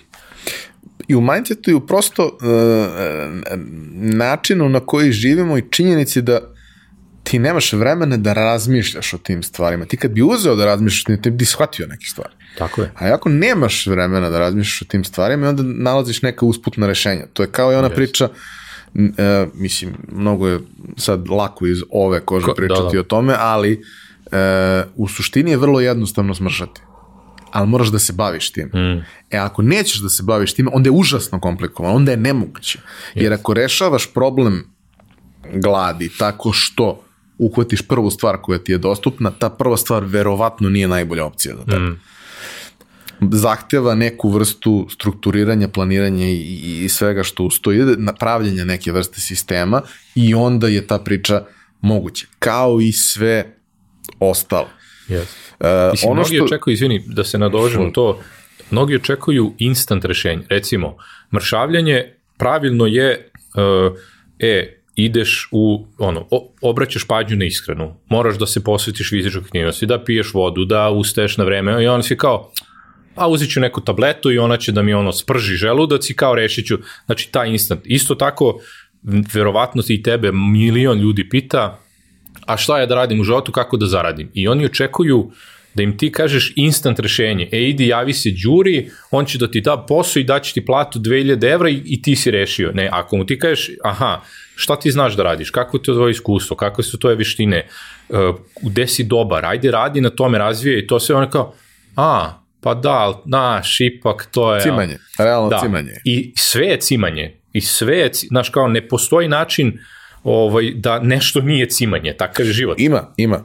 Ima, znači ja znam dosta primjera ljudi koji su našli Đuru, koji im je rekao ti ako za mene preneseš nešto preko Aha, granice, da, to će sve da, da bude da. super. E sad, to je malo problem što je rizično, da, da. nelegalno da. i ostavlja određene vrste posledica, mm. ali jeste vrlo trenutno. Da, da.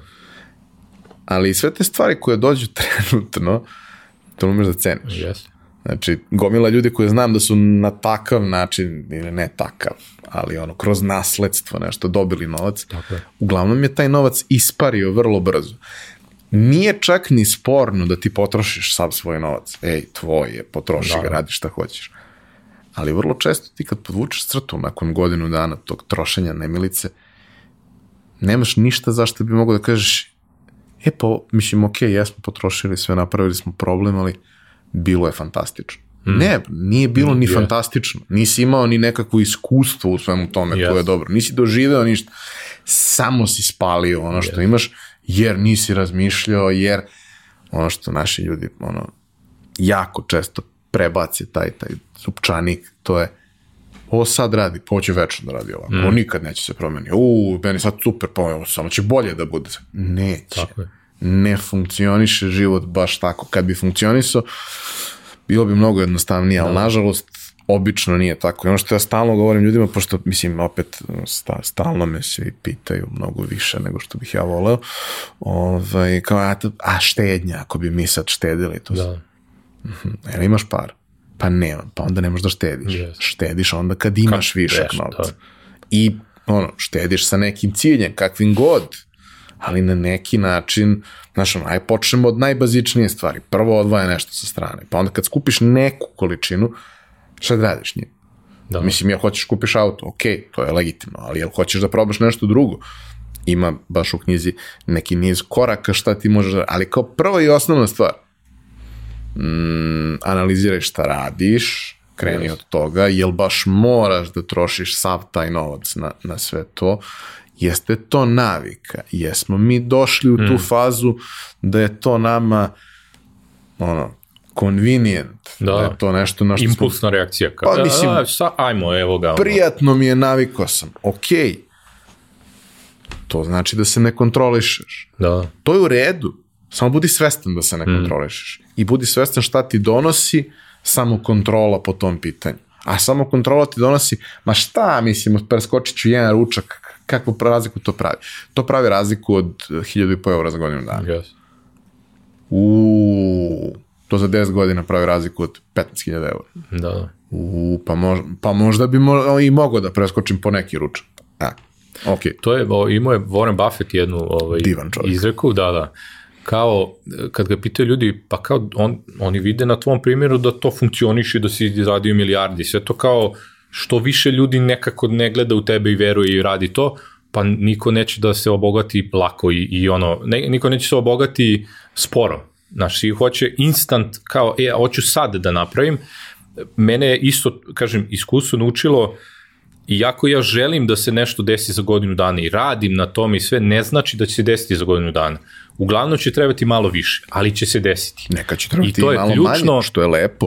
I e, recimo neke stvari, e, bukvalno sad kad gledam, ja imam nekoliko perioda u svojoj karijeri da sam saznavao i da tek na kraju skontam i kažem, aha, vidiš, ovo mi je bilo bitno zbog toga i toga što mi sad primenjivo. Tad mi vjerojatno bila ili glupost ili greška neka, ali Znaš, tek, tek, tek, ono, isto je Steve Jobs rekao, ti tek kad složiš kockice koje te su ti se dešavale, dobiješ sliku i kažeš, pa čekaj, ovo je sad ima smisla, ovo sve to što je rađeno je nekde se sklopilo da ono, povučem neku vrednost odatle.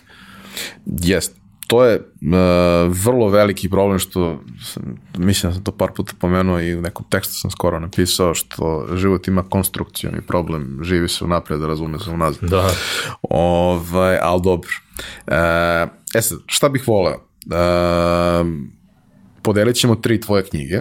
Ja ne dam moj primjerak, moj primjerak ima posvetu. Dakle, podelit ćemo tri tvoje knjige prve, prve, tako, prve da. knjige, umeđu vremenu izašla i druga yes. i njih ćemo podeliti tri. Uh, I treću ćemo podeliti. Podelit ćemo treću kada izađe reklama. treća, uh, ali šta, je sad, šta mi je sad ideja? Uh, pomenuli smo šta je koncept prve knjige yes. uh, na nivou koncepta. Ajde sad malo uvod razrada zaključak. Da, da. Uh, šta zapravo sve sadrži prva knjiga? Da, prva knjiga je onako najšireg dela sačinjena od dve celine. Jedno je finansijska pismenost, drugo je pre, razvoj preduzetništva, znači razvoj razmišljanja na preduzetnički način. Zašto? Meni je bila ideja, prvo ja sam pisao knjigu sa 20 godina iskustva, znači jeste ona nastajala kroz obuke i sve ostale, ja sam ja u momentu kad sam seo da pišem, rekao, ok, šta je to što zaista ja mogu da kažem da radi na ovom prostoru, da treba da ljudi znaju, kroz moje neko iskustvo i edukaciji i sve ostalo i zašto ja stojim iza toga. Prvo, ona se ne zove bez razloga i sadrži onaj deo lep život. Znači, poenta ži, življenja je da imaš iskustveno lep, kvalitetan život. Nažalost, se to meri kroz novac. Ne u svakoj meri, ali a, pošto pričamo o biznisu, pričamo o preduzetnju, novac mnogo toga olakša. Znači, olakša i u smislu uh, omogućiti da ti živiš na način kako hoćeš da živiš. To što smo rekli, finansijska sloboda. Znači da ti živiš is, onako iskreno, bez da razmišljaš da li ćeš dobiti otkaz zbog toga, da li će te neko reći ovo ili ono, da li ćeš moći da kupiš sebi ili deci ovo ili, znači da prosto živiš oslobođeno. Da bi se to desilo, da bi ti imao novac, moraš da znaš kako da ga zaradiš. To je poenta finansijske pismenosti. Znači ti moraš da naučiš zašto novac postoji, čemu funkcioni. Znači, on nije, džab, nije bez veze izmišljen, to je društvena tekovina. Zašto novac postoji? Mislim, da ne odemo previše u filozofiju, ali kao, on postoji kao merilo nekih vrednosti, merilo vrednosti žita, jabuke, tvog znanja, mog znanja, e, proizvoda, efekt, šta god bilo, aktivnosti, nekim, on je merilo. Da li se to nekom sviđa ili ne sviđa, žao mi je, ali je tako, to tako je kao gravitacija. Da, I meni znači, se ne sviđa. Ja bih volio da letim, ali gravitacija neće, ne, znaš, ne može. Kako možeš da letiš pa na sagradi avion? E, isto tako ovo. Super ti ovo, ovaj, odlična ovaj, asocijacija. Kako ti možeš da poletiš u preduzetništvu? Pa naučiš kako zaradiš, to je to. Kako zaradiš? Pa čekaj, ok, šta je potrebno društvu? Či, koji rešavaš problem? Koji proizvod možeš da napraviš? Šta, u čemu si ti dobar?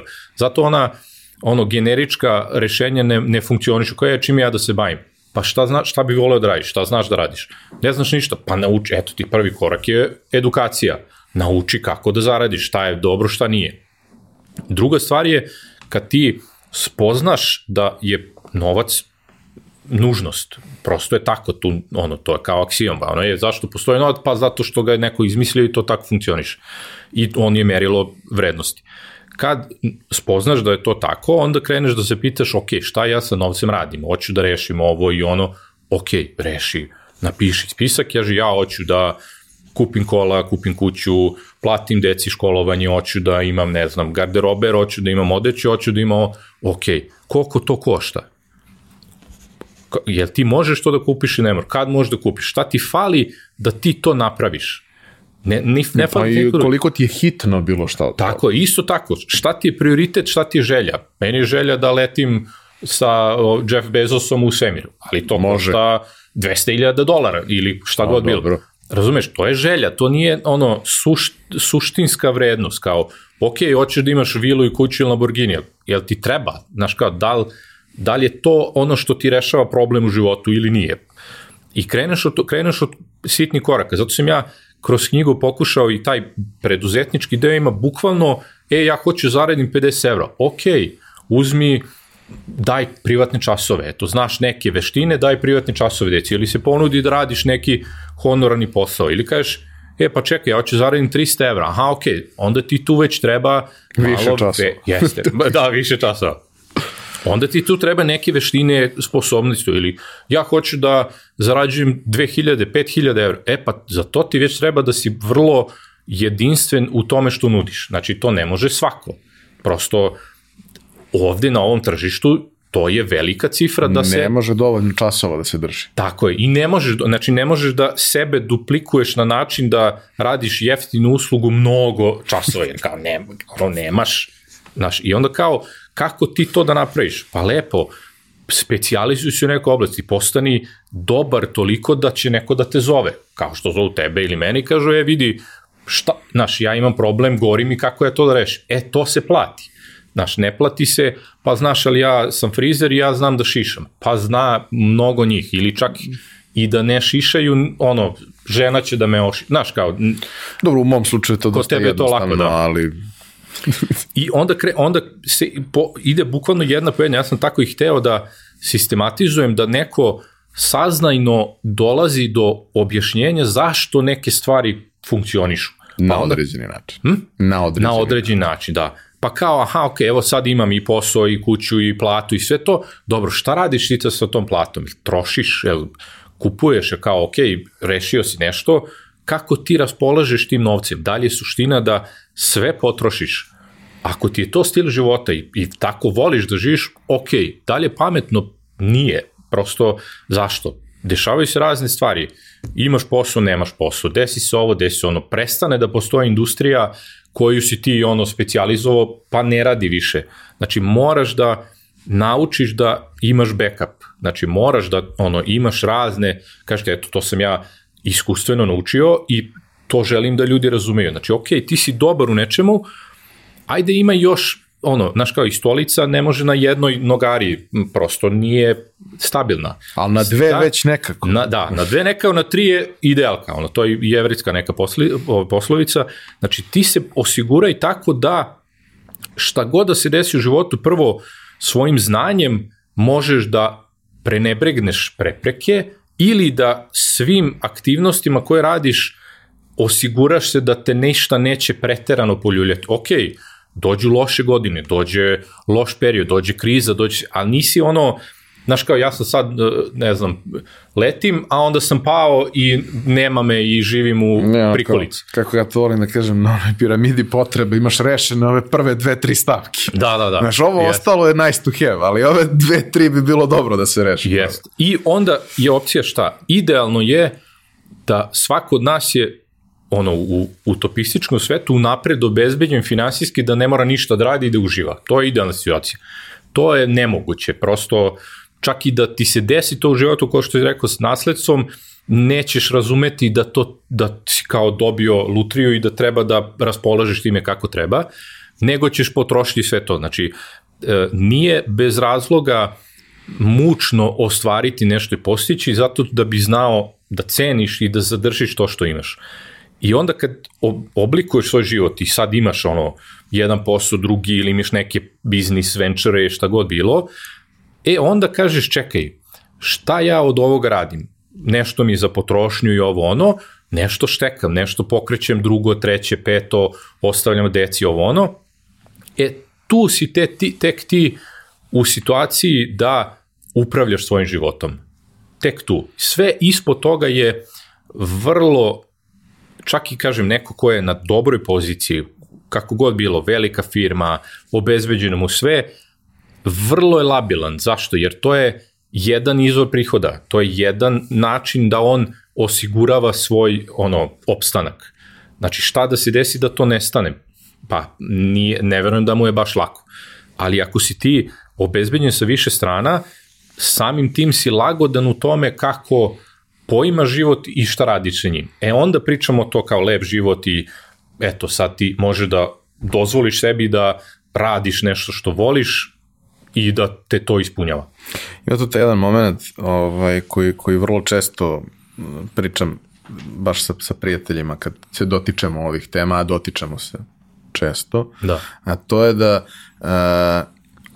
uh, lepo je to ako ti karijerno napreduješ i ostvaruješ mm. neke rezultate, ako ti je plata bolja, ako ti je pozicija bolja, sve te stvari su top, svaka čast, super. Ali ako i dalje imaš isti problem koji si imao pre pet godina, a to je da ti je ono isti input i output, yes. Ni, ništa, nema nikakve razlike. Mislim kao, ok, jeste, sa 300 evra mesečno nisi živeo život kakav živiš sad. Ali ni sa ništa, 3000 da. evra nisi rešio ništa ako to sve potrošiš i ne razmišljaš uopšte o da. tome. Naravno, ima tu mnogo faktora, ima stresa, ima svega i sve te stvari utiču. Yes. Ali postoji taj trenutak u kome prosto svako od nas bi trebalo da pokuša, ne znam da li to vezano za neku cifru u godinama ili... Da, da. Ali u nekom trenutku da pokuša da preuzme kontrolu nad svojim životom. Mm. Ne možeš 100% da ga kontrolišeš. Da. Kontrolišeš ti 100%, da te neko rokne kolima na ulici. Da, da. Znači, ko mene već, za malo jutro. Da, da. Gospodin. Ovaj, znači, ok, kontrolišeš ti sve što... Ali ono što je u tvojoj nadležnosti. Ono što... Tako da dođeš u tu situaciju da ako već imaš dobru platu, lagodan život i to sve, da nećeš da doživiš srčani udar kada dobiješ mm. otkaz. Jer realno naći ćeš posao brzo, možda je taj period od nedelju, dve, tri, koliko ćeš ga tražiti, mesec dana, možda i nije loše malo iskuliraš. Da. Posebno ako Ma, je da, da, malo stresno, ono, trgne. nećeš umreti od gladi, mm. prvo može malo da se optimizuje to što yes. ćeš da trošiš, ove, drugo imaš verovatno neki štek ili bi barem trebao da ga imaš, bit će sve okej. Okay.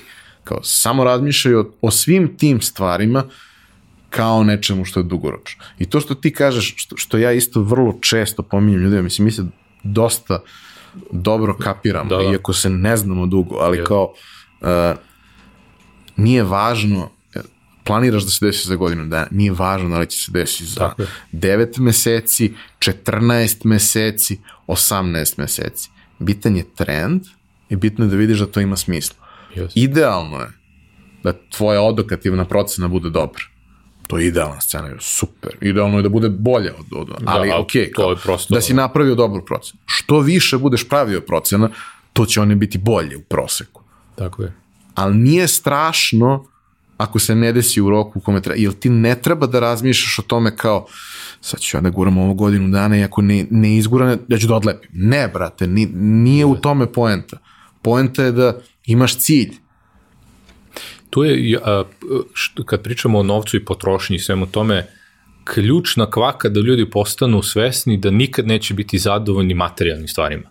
Nikad. Znači, kupiš nov auto, voziš ga mesec dana, već razmišljaš o sledećem autu. Ne, ali dobro. Ne, ne, okej. Okay. Ne, o, ti si drugi, da, ti si ovaj, sa ove druge strane, ali uh, m, taj moment uh, podizanja standarda kod ljudi je takav da uvek može bolje. To ja često pominjem. Znači, uvek možeš da živiš luksuznije nego što živiš sad. Čak i da pod srpskim uslovima živiš izuzetno udobno, kvalitetno, uvek može da bude veći prostor, više ono e, soba, više toaleta, lepši e, bazen, e, bolja kola, znaš kao, uvek to postoji. Bahatije. Bah, e, bah, bravo, bahatije. Znači sad smo kao čiče onom, ali nema veze, to je ovaj, bolje to nego, uvek, znaš, čovek je tako dizajniran da želi mnogo toga i toga, ono, što bi se reklo, u psihološkom smislu nadražuju ti ono, eksterni doživljaji i kao ti želiš da ti se to sve češće dešava i nikad neće biti zajedno. Ključna stvar je u optimizaciji osnovnih troškova. Znači da ti u nekom momentu staneš sa fiksnim troškovima koji ti se dešava, bez obzira da li zarađuješ 500 evra ili 5000 ili 50.000 evra, da taj standard života ne bude dramatično drugačiji. Znači ti i sa 50.000 evra možeš da trošiš 50.000 evra. I sa 20.000 evra možeš, znači novac može da se potroši uvek e, jako brzo, ali je poenta šta je to što tebe ispunjava i zadovoljava stil života koji je ono optimalan. Znači ne san snova je kao ludila avioni, kamioni, nego šta je to što je zaista optimalno. Naravno ti kasnije u nekom periodu možeš da tu lestvicu podigniš i sve to zavisno od zarade i svega toga, ali šta je to što tebi ispunjava i tu se onda dolazi do pitanja vrednosti ljudskih, znači ne kao fazon materijalnog i kao je bahaćenje što ti kaže, ne, nego da. šta je zaista ono best, najbolja solucija udobnog kvalitetnog života, a da ne predstavlja teret veće grada, više stresa, više ovo, više, znaš, ono, nema potrebe. E onda kad ti to zaokružiš, sve što je preko toga, nađi mu namenu. Znači, nađi namenu novcu koji, koji dobijaš. Znaš kako ja razmišljam o tome? Prvo, jedna od stvari, kad, kad dođeš do toga da ti je život komotniji, realno, nego, da. nego prosek. Jedna od stvari, prate, napravi budžet za bakaće. Yes. Napravi budžet za glupost. Jel voliš da kupuješ gadget? Super. Da. Nemoj svakog meseca da potrošiš. Tako je. Ali napravi sebi. Da. Učini sebi. Znači, treba. Nije loša stvar. Jer moraš da kupiš, ne moraš uvijek da kupiš. Možda da iznajmiš, možda ovo, možda ovo, kako god. Tako je. Napravi sebi budžet. Odvoji novac za to. Neka to bude stavka. To je potpuno okej. Okay. Yes. I ono drugo pitanje koje ono je ono neprijatno pitanje koje postaviš sam sebi ili ti neko drugi postavi pa više niste prijatelji, to, to, to se dešava. A, to je, um, ali ono, kao zašto radiš to, meni to treba. Hm. A zašto ti treba? Da. Jesi se zapitao nekad, hmm. zašto ti moraš da radiš to, da, da možda nije lakše da rešiš uzrok, a ne da krvariš 18 sati da. na poslu da bi mogao sebi da priuštiš nešto što ti objektivno ne treba. Da. I zbog čega ćeš se za pet godina kajati što si radio sve te stvari, propustio sve ono u životu što je bilo stvarno važno, jer si jurio za nečim što pet godina kasnije nema nikakvu vrednost. Da. Znaš kao, ja, ja potpuno kapiram ljude, imam i takve prijatelje i uh, volim ih bez obzira na razne njihove karakteristike koje imaju. Ja kapiram ljude koji su u fazonu, e, ja sam sad radio pet godina i idem na put oko sveta. Hmm.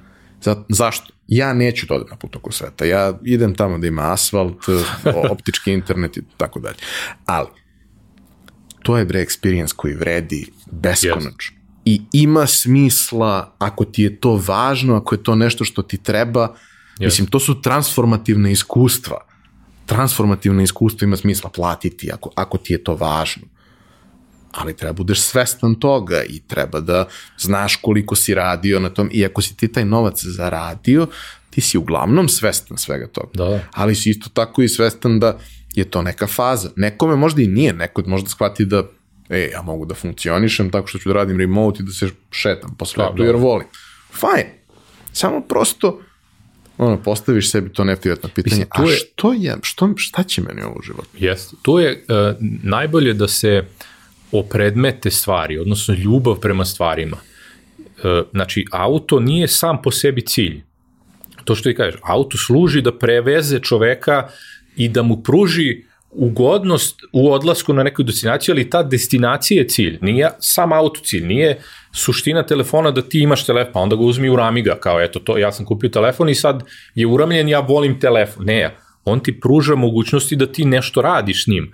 E sad, da li ti treba kažem, nemam ništa protiv to što ti kažeš, da neko priušti sebi najskuplji telefon, ok, super, želiš to stil ti života i to, ali neko ko postavlja pitanje, e, nemam para za to i to, a kupi sebi skup telefon, pa čekaj, malo si poremetio prioritete, onda nije baš da tebi to što fali da te to koška puno, nego te više ovo zanima da ti kupiš telefon, razumiješ, iako ne znaš šta ćeš sa njim. I isto tako, jako je bitno da ono, ne dajemo preveliki značaj stvarima. Znači, stvari su alati, oni nečemu služe da neko nešto obavi njima. Ne služe same sebi svrsi, onda kažem, onda bi se telefoni prodavali u galerijama i kao, eto, vidi, imam ono, kolekciju telefona i platio sam da. i kao... Određeni brendovi, čiji sam ja veliki fan, da, to mi. prodaju na taj način. Ali to je upravo, to je upravo ono, uh, kako kažem, idenje uz dlaku korisnika i njima svaka čast sa marketinške strane prodanje odlično, oni su pogodili žicu ljudi i to je sa, sa ono korporativne strane odlično za njih, ali za, za kupca apsolutno je nebitno, znaš kao ta ono pripadnost brendu. Znaš kako, ovaj, pominjao sam to, ali mislim da je prošlo dosta epizoda kad sam posljednji put, pa ću da ponovim. Ovaj, jedna od najvažnijih lekcija koje sam naučio u životu, naučio sam od mog dragog prijatelja Bojana. Jednom prilikom, pre pa više od 10 godina sigurno, kada smo sedeli, ima 15 možda, kada smo sedeli i komentarisali smo satove. Ja nemam odnos prema satovima. Mm zato što je to, kako kaže pokojni Ken Robinson, single purpose device. Da, znači, sa, meni je to lepo, yes. samo mi ne služi ničemu, mm. zato što ja ću svakako na telefonu pogledati koliko je sati, da. jer je to navik. Ali mi je lepo i uživam u lepoti, Tako. uživam u mehanici koja je spektakularna, imam nekoliko prijatelja koji obožavaju satove, ja mnogo volim da pričam sa njima o tome, iako ja nikad taj sat ne bi nosio. Da. Ja bih ga čak možda kupio da ga da, ono, uramim kao, jer mi je prelep, yes. ali ga ne bi nosio jer kao ne znam sebe, zakačit ću prvi zid, ono, da. nemam naviku, ne umem da se ponašam sa tim. I on je tad meni rekao jednu jako važnu, jako važnu lekciju koju, koju sam ja shvatio, to je, um, pričamo nešto isko ne znam, nebitno, Konstantin Vašeron, neki brand da, da, koji je beskreno skup, yes. ono, Odemar Pige. 300-500 milion, to je 300.000 eura yes. sad. I kao, brate, ovo je preskupo. Ja mi je samo rekao jednu stvar, nije preskupo, samo nije za tebe. Da, da. I onda kad ti što, što, nije, što nije za mene? Nije za tebe. Postoje neke stvari koje su napravljene za ljude koji ne moraju da razmišljaju o tim Tako. stvarima. Njih nema mnogo, nema ni tih satova mnogo. Ne prave oni milion satova godišnje, oni prave 3000 satova, za 3000 satova ima 3000 kupaca. Yes. To nije problem. Ali ako ti moraš da razmišljaš o tim stvarima, to je veliki problem. Da, da. I sad, naravno, znaš, danas, 15 godina kasnije, kod mene se zna u principu od, za određene stvari zna se pravilo. Da, ja nosim preskup laptop sa sobom, zato što mi je to, to osnovno, osnovno sredstvo za rad. I zato što, da, mogu da uštedim 1000 eura na, na laptopu da uzem nešto slabije, on meni zaradi to za dva meseca ili da. za mesec dana ili za dve nedelje, koga briga. Da. To mi je sredstvo za rad. Telefon, isto, prvo, volim, drugo, jeste mi sredstvo za rad i jeste izvor frustracije jer kada imam telefon ljudi mogu da me nađu, zovu, a ja ne volim, ali to sad nije važno. Ako već me nervira, daj bar da ga volim. Yes. Znaš. I onda kao, znaš, kad pričaš sa, sa mlađima, sa, pa kao, ali ti imaš što ja ne bi imao. Pa ima mala razlika, ja 20 Stavka. godina radio na ovome, meni to nije u životu stavka. Yes. Postoje stvari koje su meni u životu stavka. Znaš, mm. ja obožavam moj novi auto, obožavam ga, obožavao sam i moj stari auto. Ovaj, sam, lepio si srce na storijima i sve i jest, mislim, ja, ja stvarno obožavam moj auto. Uh, kad sam bio klinac nisam zamišljao da ću vozim Škoda. Mm. Uh, sad umeđu vremenu Škoda postala stvarno dobra, tako da, da to nije problem. Top. I izgleda dobro i ono, stvarno je, stvarno je super fit. Jel ne volim ja BMW? Pa ja kad sam vozio BMW 5 na stazi prvi put u životu, ja sam plakao od sreće. Yes. Ja samo ne želim količinu stresa koju to nosi sa sobom. Ne želim tu količinu frustracije, prvo, naravno, ne mogu da kupim. Mogu da kupim, ali ne želim da potrošim novac da, da. na novi. Ako kupim polovan, to sa sobom nosi čitav yeah. set problema gde ne želim da imam tu vrstu stresa, iako to zaista sebi mogu da priuštim, ne želim da imam tu vrstu stresa da je negde nešto ne radi i to košta 2000 eura. Jeste. Ne. I tu se do, postavlja pitanje, meni je isto BMW 5 jedan od univerzalno najlepših automobila napravljenih Ultimate driving ikad. machine. E, bukvalno, znači nisu džabe rekli to, najbolje auto ikad, ali isto to ti kažeš, kad auto dođe do neke vrednosti 50.000 evra, nov ili 30.000 evra polovan koji prešao 150.000, onda se postavlja pitanje, ali čekaj, zašto? Znaš, kao, onda nije, onda, bar kod mene, taj logički deo dolazi do izražaja, pa kao, ali šta dobiješ, jeste on perfektan, prelep auto, uživanje za vožnju, ali da li to treba tako? Da li ti je da li to toliko treba? vredno? Škoda za 25 nova puca sve, znači da bude ono bombona, isto super auto napravljen. E, tu je već dolazi iz našeg ugla. Naravno, kad zarađuješ ono stotini hiljada evra, da ti je to usputno, ali dovedi ti sebe da je to usputan trošak, pa kupi, kao nemam ništa protiv. Mi ovde pričamo o opciji ljudi koji muči nešto, imaju problem da zarade, a onda ne troše racionalno. Pa kao naravno da nikad nećeš ono uspostaviti balans jer ni, nisi usklađen sa ono željama i potrebama i realnim o, ovaj očekivanjima.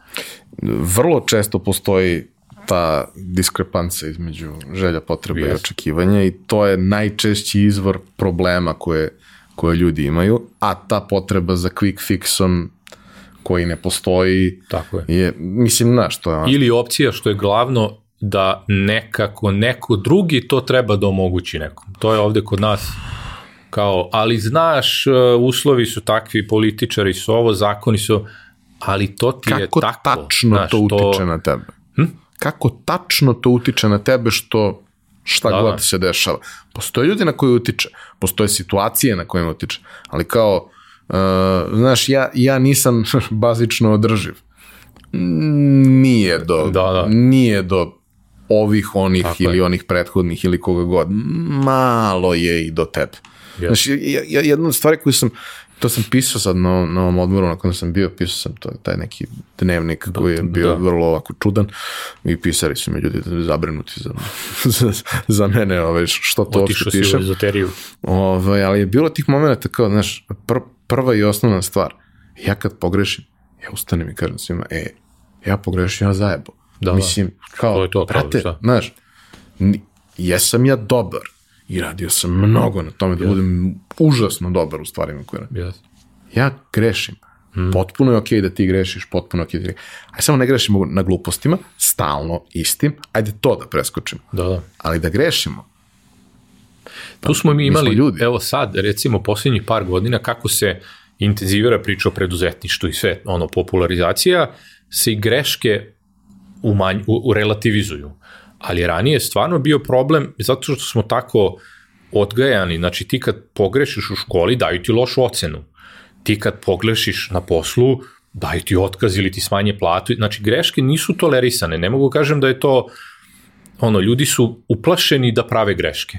Zašto je ono Silicon Valley mentalitet dobar? Pa zašto su oni otvoreno grešili. Znači ti napraviš gomilu gluposti i uspeš na kraju ovde ti ne stigneš da napraviš gomilu gluposti jer te neko klepi ili ono, ili on, uglavnom je ono iz egzistencijalnih okolnosti ti nemaš vremena da mnogo grešiš. To je opet jedan od, mada to se rešava ono, kapitalom i sve ostalo, ali ti si kao uplašen, naš, ali ova greška će puno me košta i to će da moj život vrati nekoliko koreka i sve ovo ono, ok, slažem se, ali sad ima nešto što se zove MVP ili se zove funkcionalni prototip, ili se zove basic, ono, znači ti ne moraš da uložiš puno da bi video da li nešto radi. Da li ima smisla.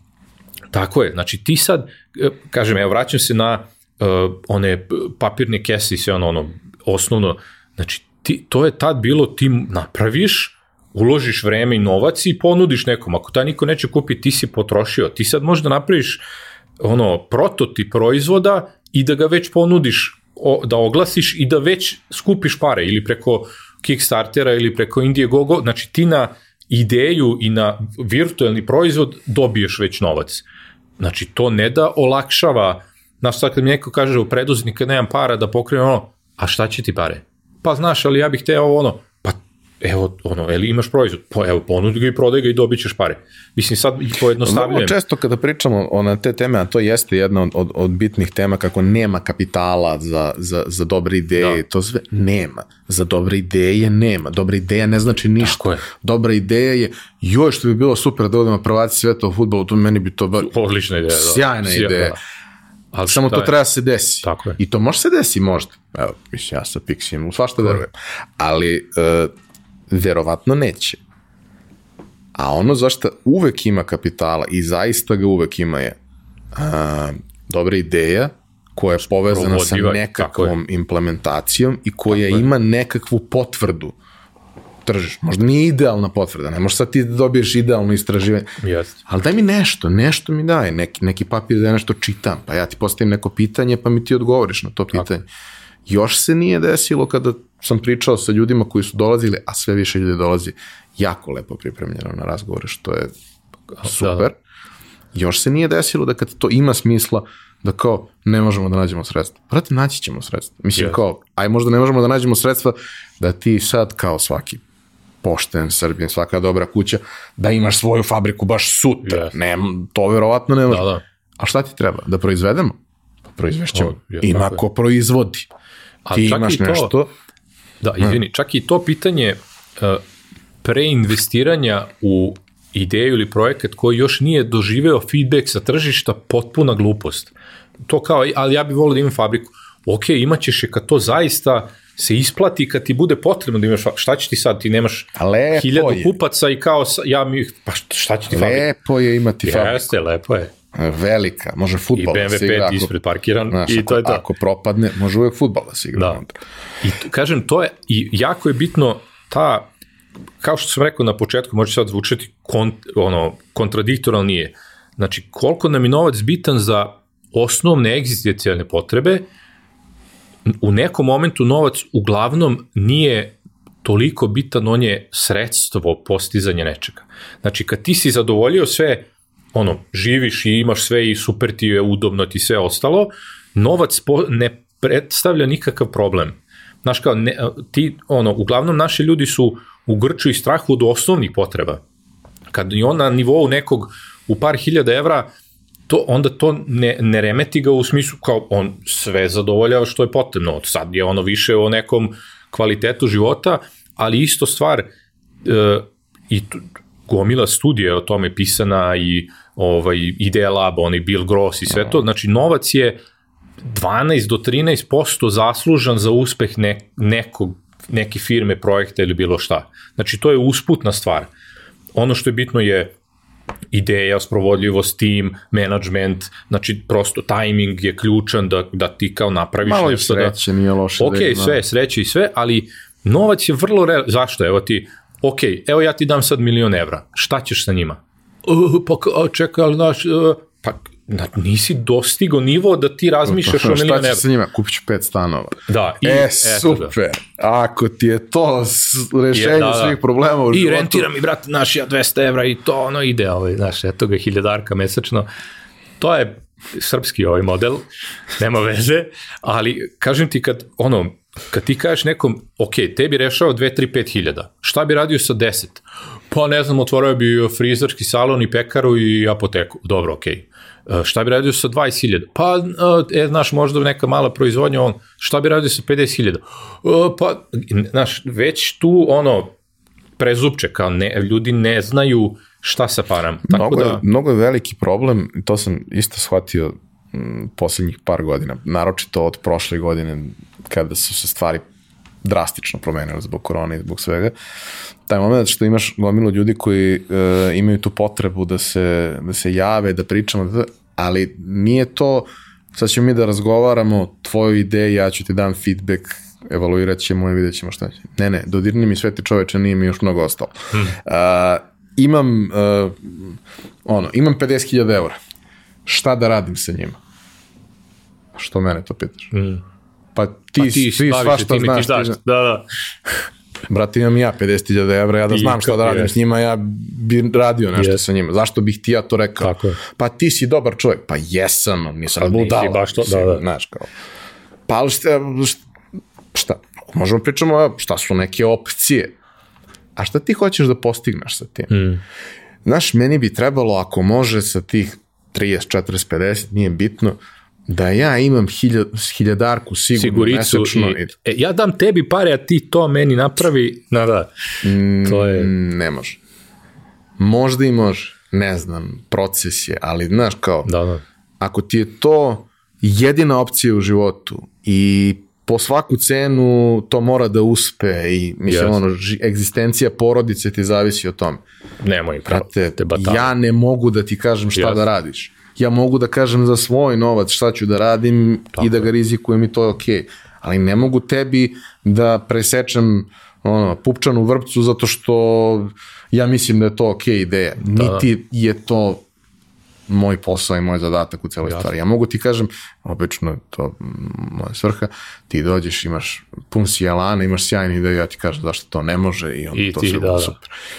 Ne bukvalno, ali jako sam dobar u challenge stvari. Da, da. To ne znači da ja želim da to ne uspe. Ali ja samo znaš želim da, da ne eliminišem neke stvari, iako mi imamo, a imali smo i takvih situacija dosta, Te ja tebi postavim, pitam, skoro sam imao situaciju, sjajan momak. Hmm. Uh, ja sam došao da ti meni kažeš zašto misliš da ovo ne može. Ok, ispriča mi šta, ispriča, dobro, jedno pitanje ima dobar odgovor, drugo pitanje ima dru dobar odgovor, treće pitanje ima dobar odgovor. Aha, a šta ako se desi to, to, to, dobar odgovor.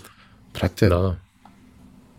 jel ti treba novac? Mm. Ne treba Super. Da ti treba, to, da, evo, da. ja bih ti prvi dao. Jer ti znaš šta radiš. Yes. Ti si sve uradio kako treba. Jel to znači da će da uspe? Ne znam. Možda i neće. Da. Ali, Ali ono što je u tvoje da nadležnosti, da, u, da, da. ti si uradio kako treba. I tu naše ljudi, e, pošto ja isto imam priliku da radim sa malim preduzetnicima, nikad ne pretpostave negativne stvari. Oni pretpostave, ja, održava će tu nešto do ovo i zakoni će, ali ne pretpostave da i oni mogu da pogreše i da svojim činjenjem ili nečinjenjem mogu da ne urade to kako treba. Znači, ne simuliraju razvoj firme u, u buduće u par godina. Ne kao ono, e vidi, ja sad otvorim firmu i ona će da radi. Dobro, ali šta je za godinu dana, za tri, za pet? Kako će ona da se razvija? Kako će da, što bi se reklo, skalira? Šta, šta ti tu radiš? Kao koga treba da pozoveš? Ko. Pa ne znam, ono, nije ni čudo što, ne kažem, ono, da ljudi ne shvate pogrešno, naš nivo poimanja preduzetništva i biznisa je vrlo basic. Znači to je, e, ja imam sad neki posao, zaposlim sebe i kevu i ženu i ono, decu, i imam par ljudi i to tako funkcioniš. Jeste, ali ono, šta ako se razvija dramatično više, u više tržište, kako ćeš ti to da kontroliš? Lako je tu kao ti si tu, ovo. Druga stvar, to nije biznis, ti si samo zaposlen u svojoj firmi, ti ne vodiš biznis, nego ti si napravio da te to, ta, to što ti radiš lepo, lepo zarađuješ, ali ajde se ti izmakni odatle pa vidi da li taj biznis funkcioniš. Ne funkcioniš jer kao ti si ono osnovna karika, tako da tu imam vrlo onako zanimljivih ovaj primera što se tiče to kao vođenja posla generalno. I toga si se prilično lepo dotaka u knjizi. Uh, to je još jedan deo nje. Uh, hajde da zaključimo priču o, o prvoj knjizi. Šta još ima tu o čemu ljudi treba da imaju svest? Pa, uh, ja sam pokušao da dam odgovore na sve što treba da ih zanima. Gde da nađem pare, evo ti, fondovi, Kickstarter, crowdfunding, porodica, prijatelji, bootstrap, znači sve šta god ti treba, tu je. Kako da napravim proizvod, evo ti to i to, kako da analiziram da će proizvod biti dobar, kakva je industrija, da li je u porastu, da li nije, koji su potencijali. Znači sve im je, bukvalno, to što si rekao, mogu da idu korak po korak, da stranicu po stranicu i da realno na svom primjeru ono, testiraju to pre nego što su... Imaju i zadačić. I za, tako je, da, imaju tabele, imaju čak i ono e, životne planove iako to zvuči potpuno besmisleno, ali meni se pokazalo kao jako bitno, upravo ono što smo pričali. Znači, nešto što ti se čini da je dostižno za godinu dana možda nije, ali nešto za 10 godine sigurno, ako si aktivan, dramatično bolje nego što si mogao da zamisliš. Znači da je taj period koji u nekoliko godina, čak i u Srbiji, pored svih okolnosti je dovoljno da ti napraviš karijeru. Pritom, ako pričamo ono 40-50 godina neke karijere, znači ti sa 10-15 godina kvalitetnog rada dostigneš nivo koji treba i posle radiš još gomilu drugih lepih stvari. Tako da samo je bitno da ljudi nisu ono nestrpljivi. Dobro, znači prva knjiga je plava knjiga. Yes. Imamo tri komada, podelit ćemo, to ćemo na kraju. Uh, mislim, blizu smo kraja, ali ok. Prva knjiga je osnovna. Tako ona je bukvar, ona yes. zaista pokriva taj neki osnove financije, osnove preduzetništva. Svega koji je u suštini potreban svakom. Tako je, da. E sad, šta je ideja sa daljim knjigama?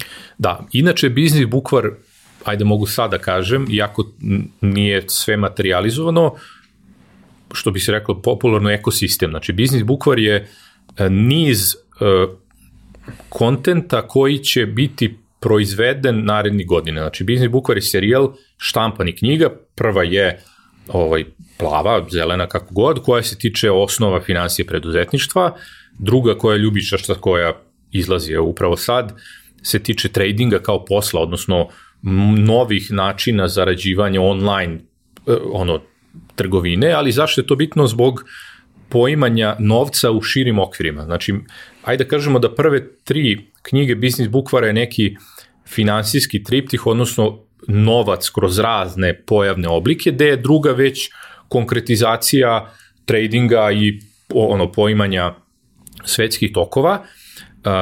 Treća će, neće biti zelena, to je ovaj, premirno što bi se reklo, bit će druga tema koja se tiče svih raspoloživih načina razvoja biznisa u smislu svakog aspekta razvoja, strategija, marketing, prodaja, proizvodnja, za šta je tu bitno, standardi i sve ostalo, HR, znači ono, sve što je bitno da neka firma funkcioniše, to je nju sam umetno, da kažemo, pre one zelene i zelena će biti ta iskustvena gde će, već sam radio dosta intervju, ali gde će domaći preduzetnici da ispričaju svoju životnu priču. Slično kao ovo što mi sad radimo, ali u nekoj drugačijoj formi. Ovaj, ja time želim da u tom štampanom obliku ponudim gotovo rešenje za bilo koga ko kaže, e, ja nisam zadovoljan svojim životom. Aha, evo uzmi, pročitaj, saznaćeš kako da ti to promeniš. Da li ti to hoćeš, to je tvoja stvar, ali imaš šta? Znači imaš tačno posloženo za ovo tržište, sa ovim iskustvima, sa ovim ljudima, sa dostupnim sredstvima, izvoli lepo i ovaj, i prođi sve to. Dobit ćeš uh, čuveni odgovor na majstorsko pitanje, znaš ti koliko je to posao? Da, da, da. I to je, kažem ti, ta biznis bukvar kao kompletna ono, celina, kao brand, će imati i video kurseve, imaće i uh, edukacije, razne vrste seminare, webinar, sve ono što sam ja inače radio, ali samo pod tim krovom. I ono što je meni neka krajnja ideja ili da kažemo dodatna lestvica je virtualni inkubator, to sam ti najavio, to je onako uh, nisam još većini ljudi ispričao jer je onako vrlo u, o, ma, u povoju. Mala je publika. Mala populacija, da, ne veze. Uh, uh, znači, sajt koji sad postoji businessbukva.rs koji sadrži samo štampane sadržaje prerasta u platformu za preduzetnike gde će biti razne vrste sadržaja u raznim oblicima kroz razne vrste saradnje. Znači, dalje je to besplatan sadržaj svega, dru, ono, šta god je bilo, uh, ono, blogova, materijala, fondova, konkursa, svega toga. Dalje je to print, pa kao, ja ipak volim da ono, čitam knjigu, da podlačim i sve to. Dalje video kurs, dalje mentorski rad, dalje savjetovanje, da su neki live uključenja sa pitanjima, dalje Q&A, dalje neki bot. Znači, sve to E, će sadržati ta platforma, ideja je da stvarno ljudima u svim mogućim oblicima ponudimo sva rešenja koja mogu da ih zanimaju. Znači, bilo koje pitanje da postave u financijama, preduzetništvu, biznisu, mogu da imaju odgovor. U raznim, znači, da li će da odslušaju 15 minuta kurs ili će da pročitaju knjigu ili bilo šta, znači da zadovolje sve potrebe za nekim znanjem o preduzetništvu. Pa lepo to zvuči. Yes. A ono što je još lepše, I mnogo je to posle. Ovoj, to, to pa dobro, to voli, ti si pokazao od ovog danas da, da voliš sebe komplikuje život. To u redu. Ovaj, imamo tri uh, knjige prvog, uh, prve knjige, imamo tri druge knjige. Uh, u ovoj epizodi podelit ćemo tri prve knjige, pa u nekoj od narednih ove tri druge. Može. Što se tiče ovih, ove prve tri, uh, pogledajte na sajtu o čemu se radi, pričali smo i ovde, ali pogledajte malo više i na sajtu i javite nam se u komentarima na YouTube-u ukoliko želite da budete u konkurenciji za neku od tri uh, knjige. Uh, izlačit ćemo nasumično pred objavljivanje naredne epizode i onda ćemo vas kontaktirati pa, pa ćemo vam poslati. Knjige su tu kod nas, tako da mi ćemo ih slati odavde. Uh, Vlado, hvala ti Mislim da smo se baš lepo ispričali, a i, i pre ovog što smo snimali, to je možda još bio zanimljiviji deo. Mogli smo i tada snimamo. Mogli, smo, I da. mogli smo samo da zamaskiramo facije i promenimo glasove. Da. Ovaj, ali prepoznali bi nas kakve smo sreći. Uh, hvala ti, mislim da je jako važno to što radiš i mislim da je sjajno, sjajan način na koji to radiš što ne govorim ljudima često. Hvala ti što si, što si bio, što si ispričao svoju priču, što si nam donao knjige da podelimo, što si meni poklonio knjigu koju sam sa, sa uživanjem pročitao, zato što zaista uh, mnogo je lepo kada ti iskustveno prolaziš kroz stvari, ali onda neko sedne i strukturira ti to i onda ti to čitaš po nekom redu, po nekom, da. i ako ti negde nešto zafali, ti to dopuniš, ili ako negde imaš nešto, ti razmišljaš. Imaš, ja volim da imam teme za razmišljanje, to je, to je poznata stvar. Hvala vama što ste nas slušali, gledali, sve komentare, pitanje, sugestije, predloge ostavite na za to predviđeno mesto na YouTube-u. Ja bih se za kraj samo još jednom zahvalio našim sponzorima i čujemo se i vidimo naredne nedelje.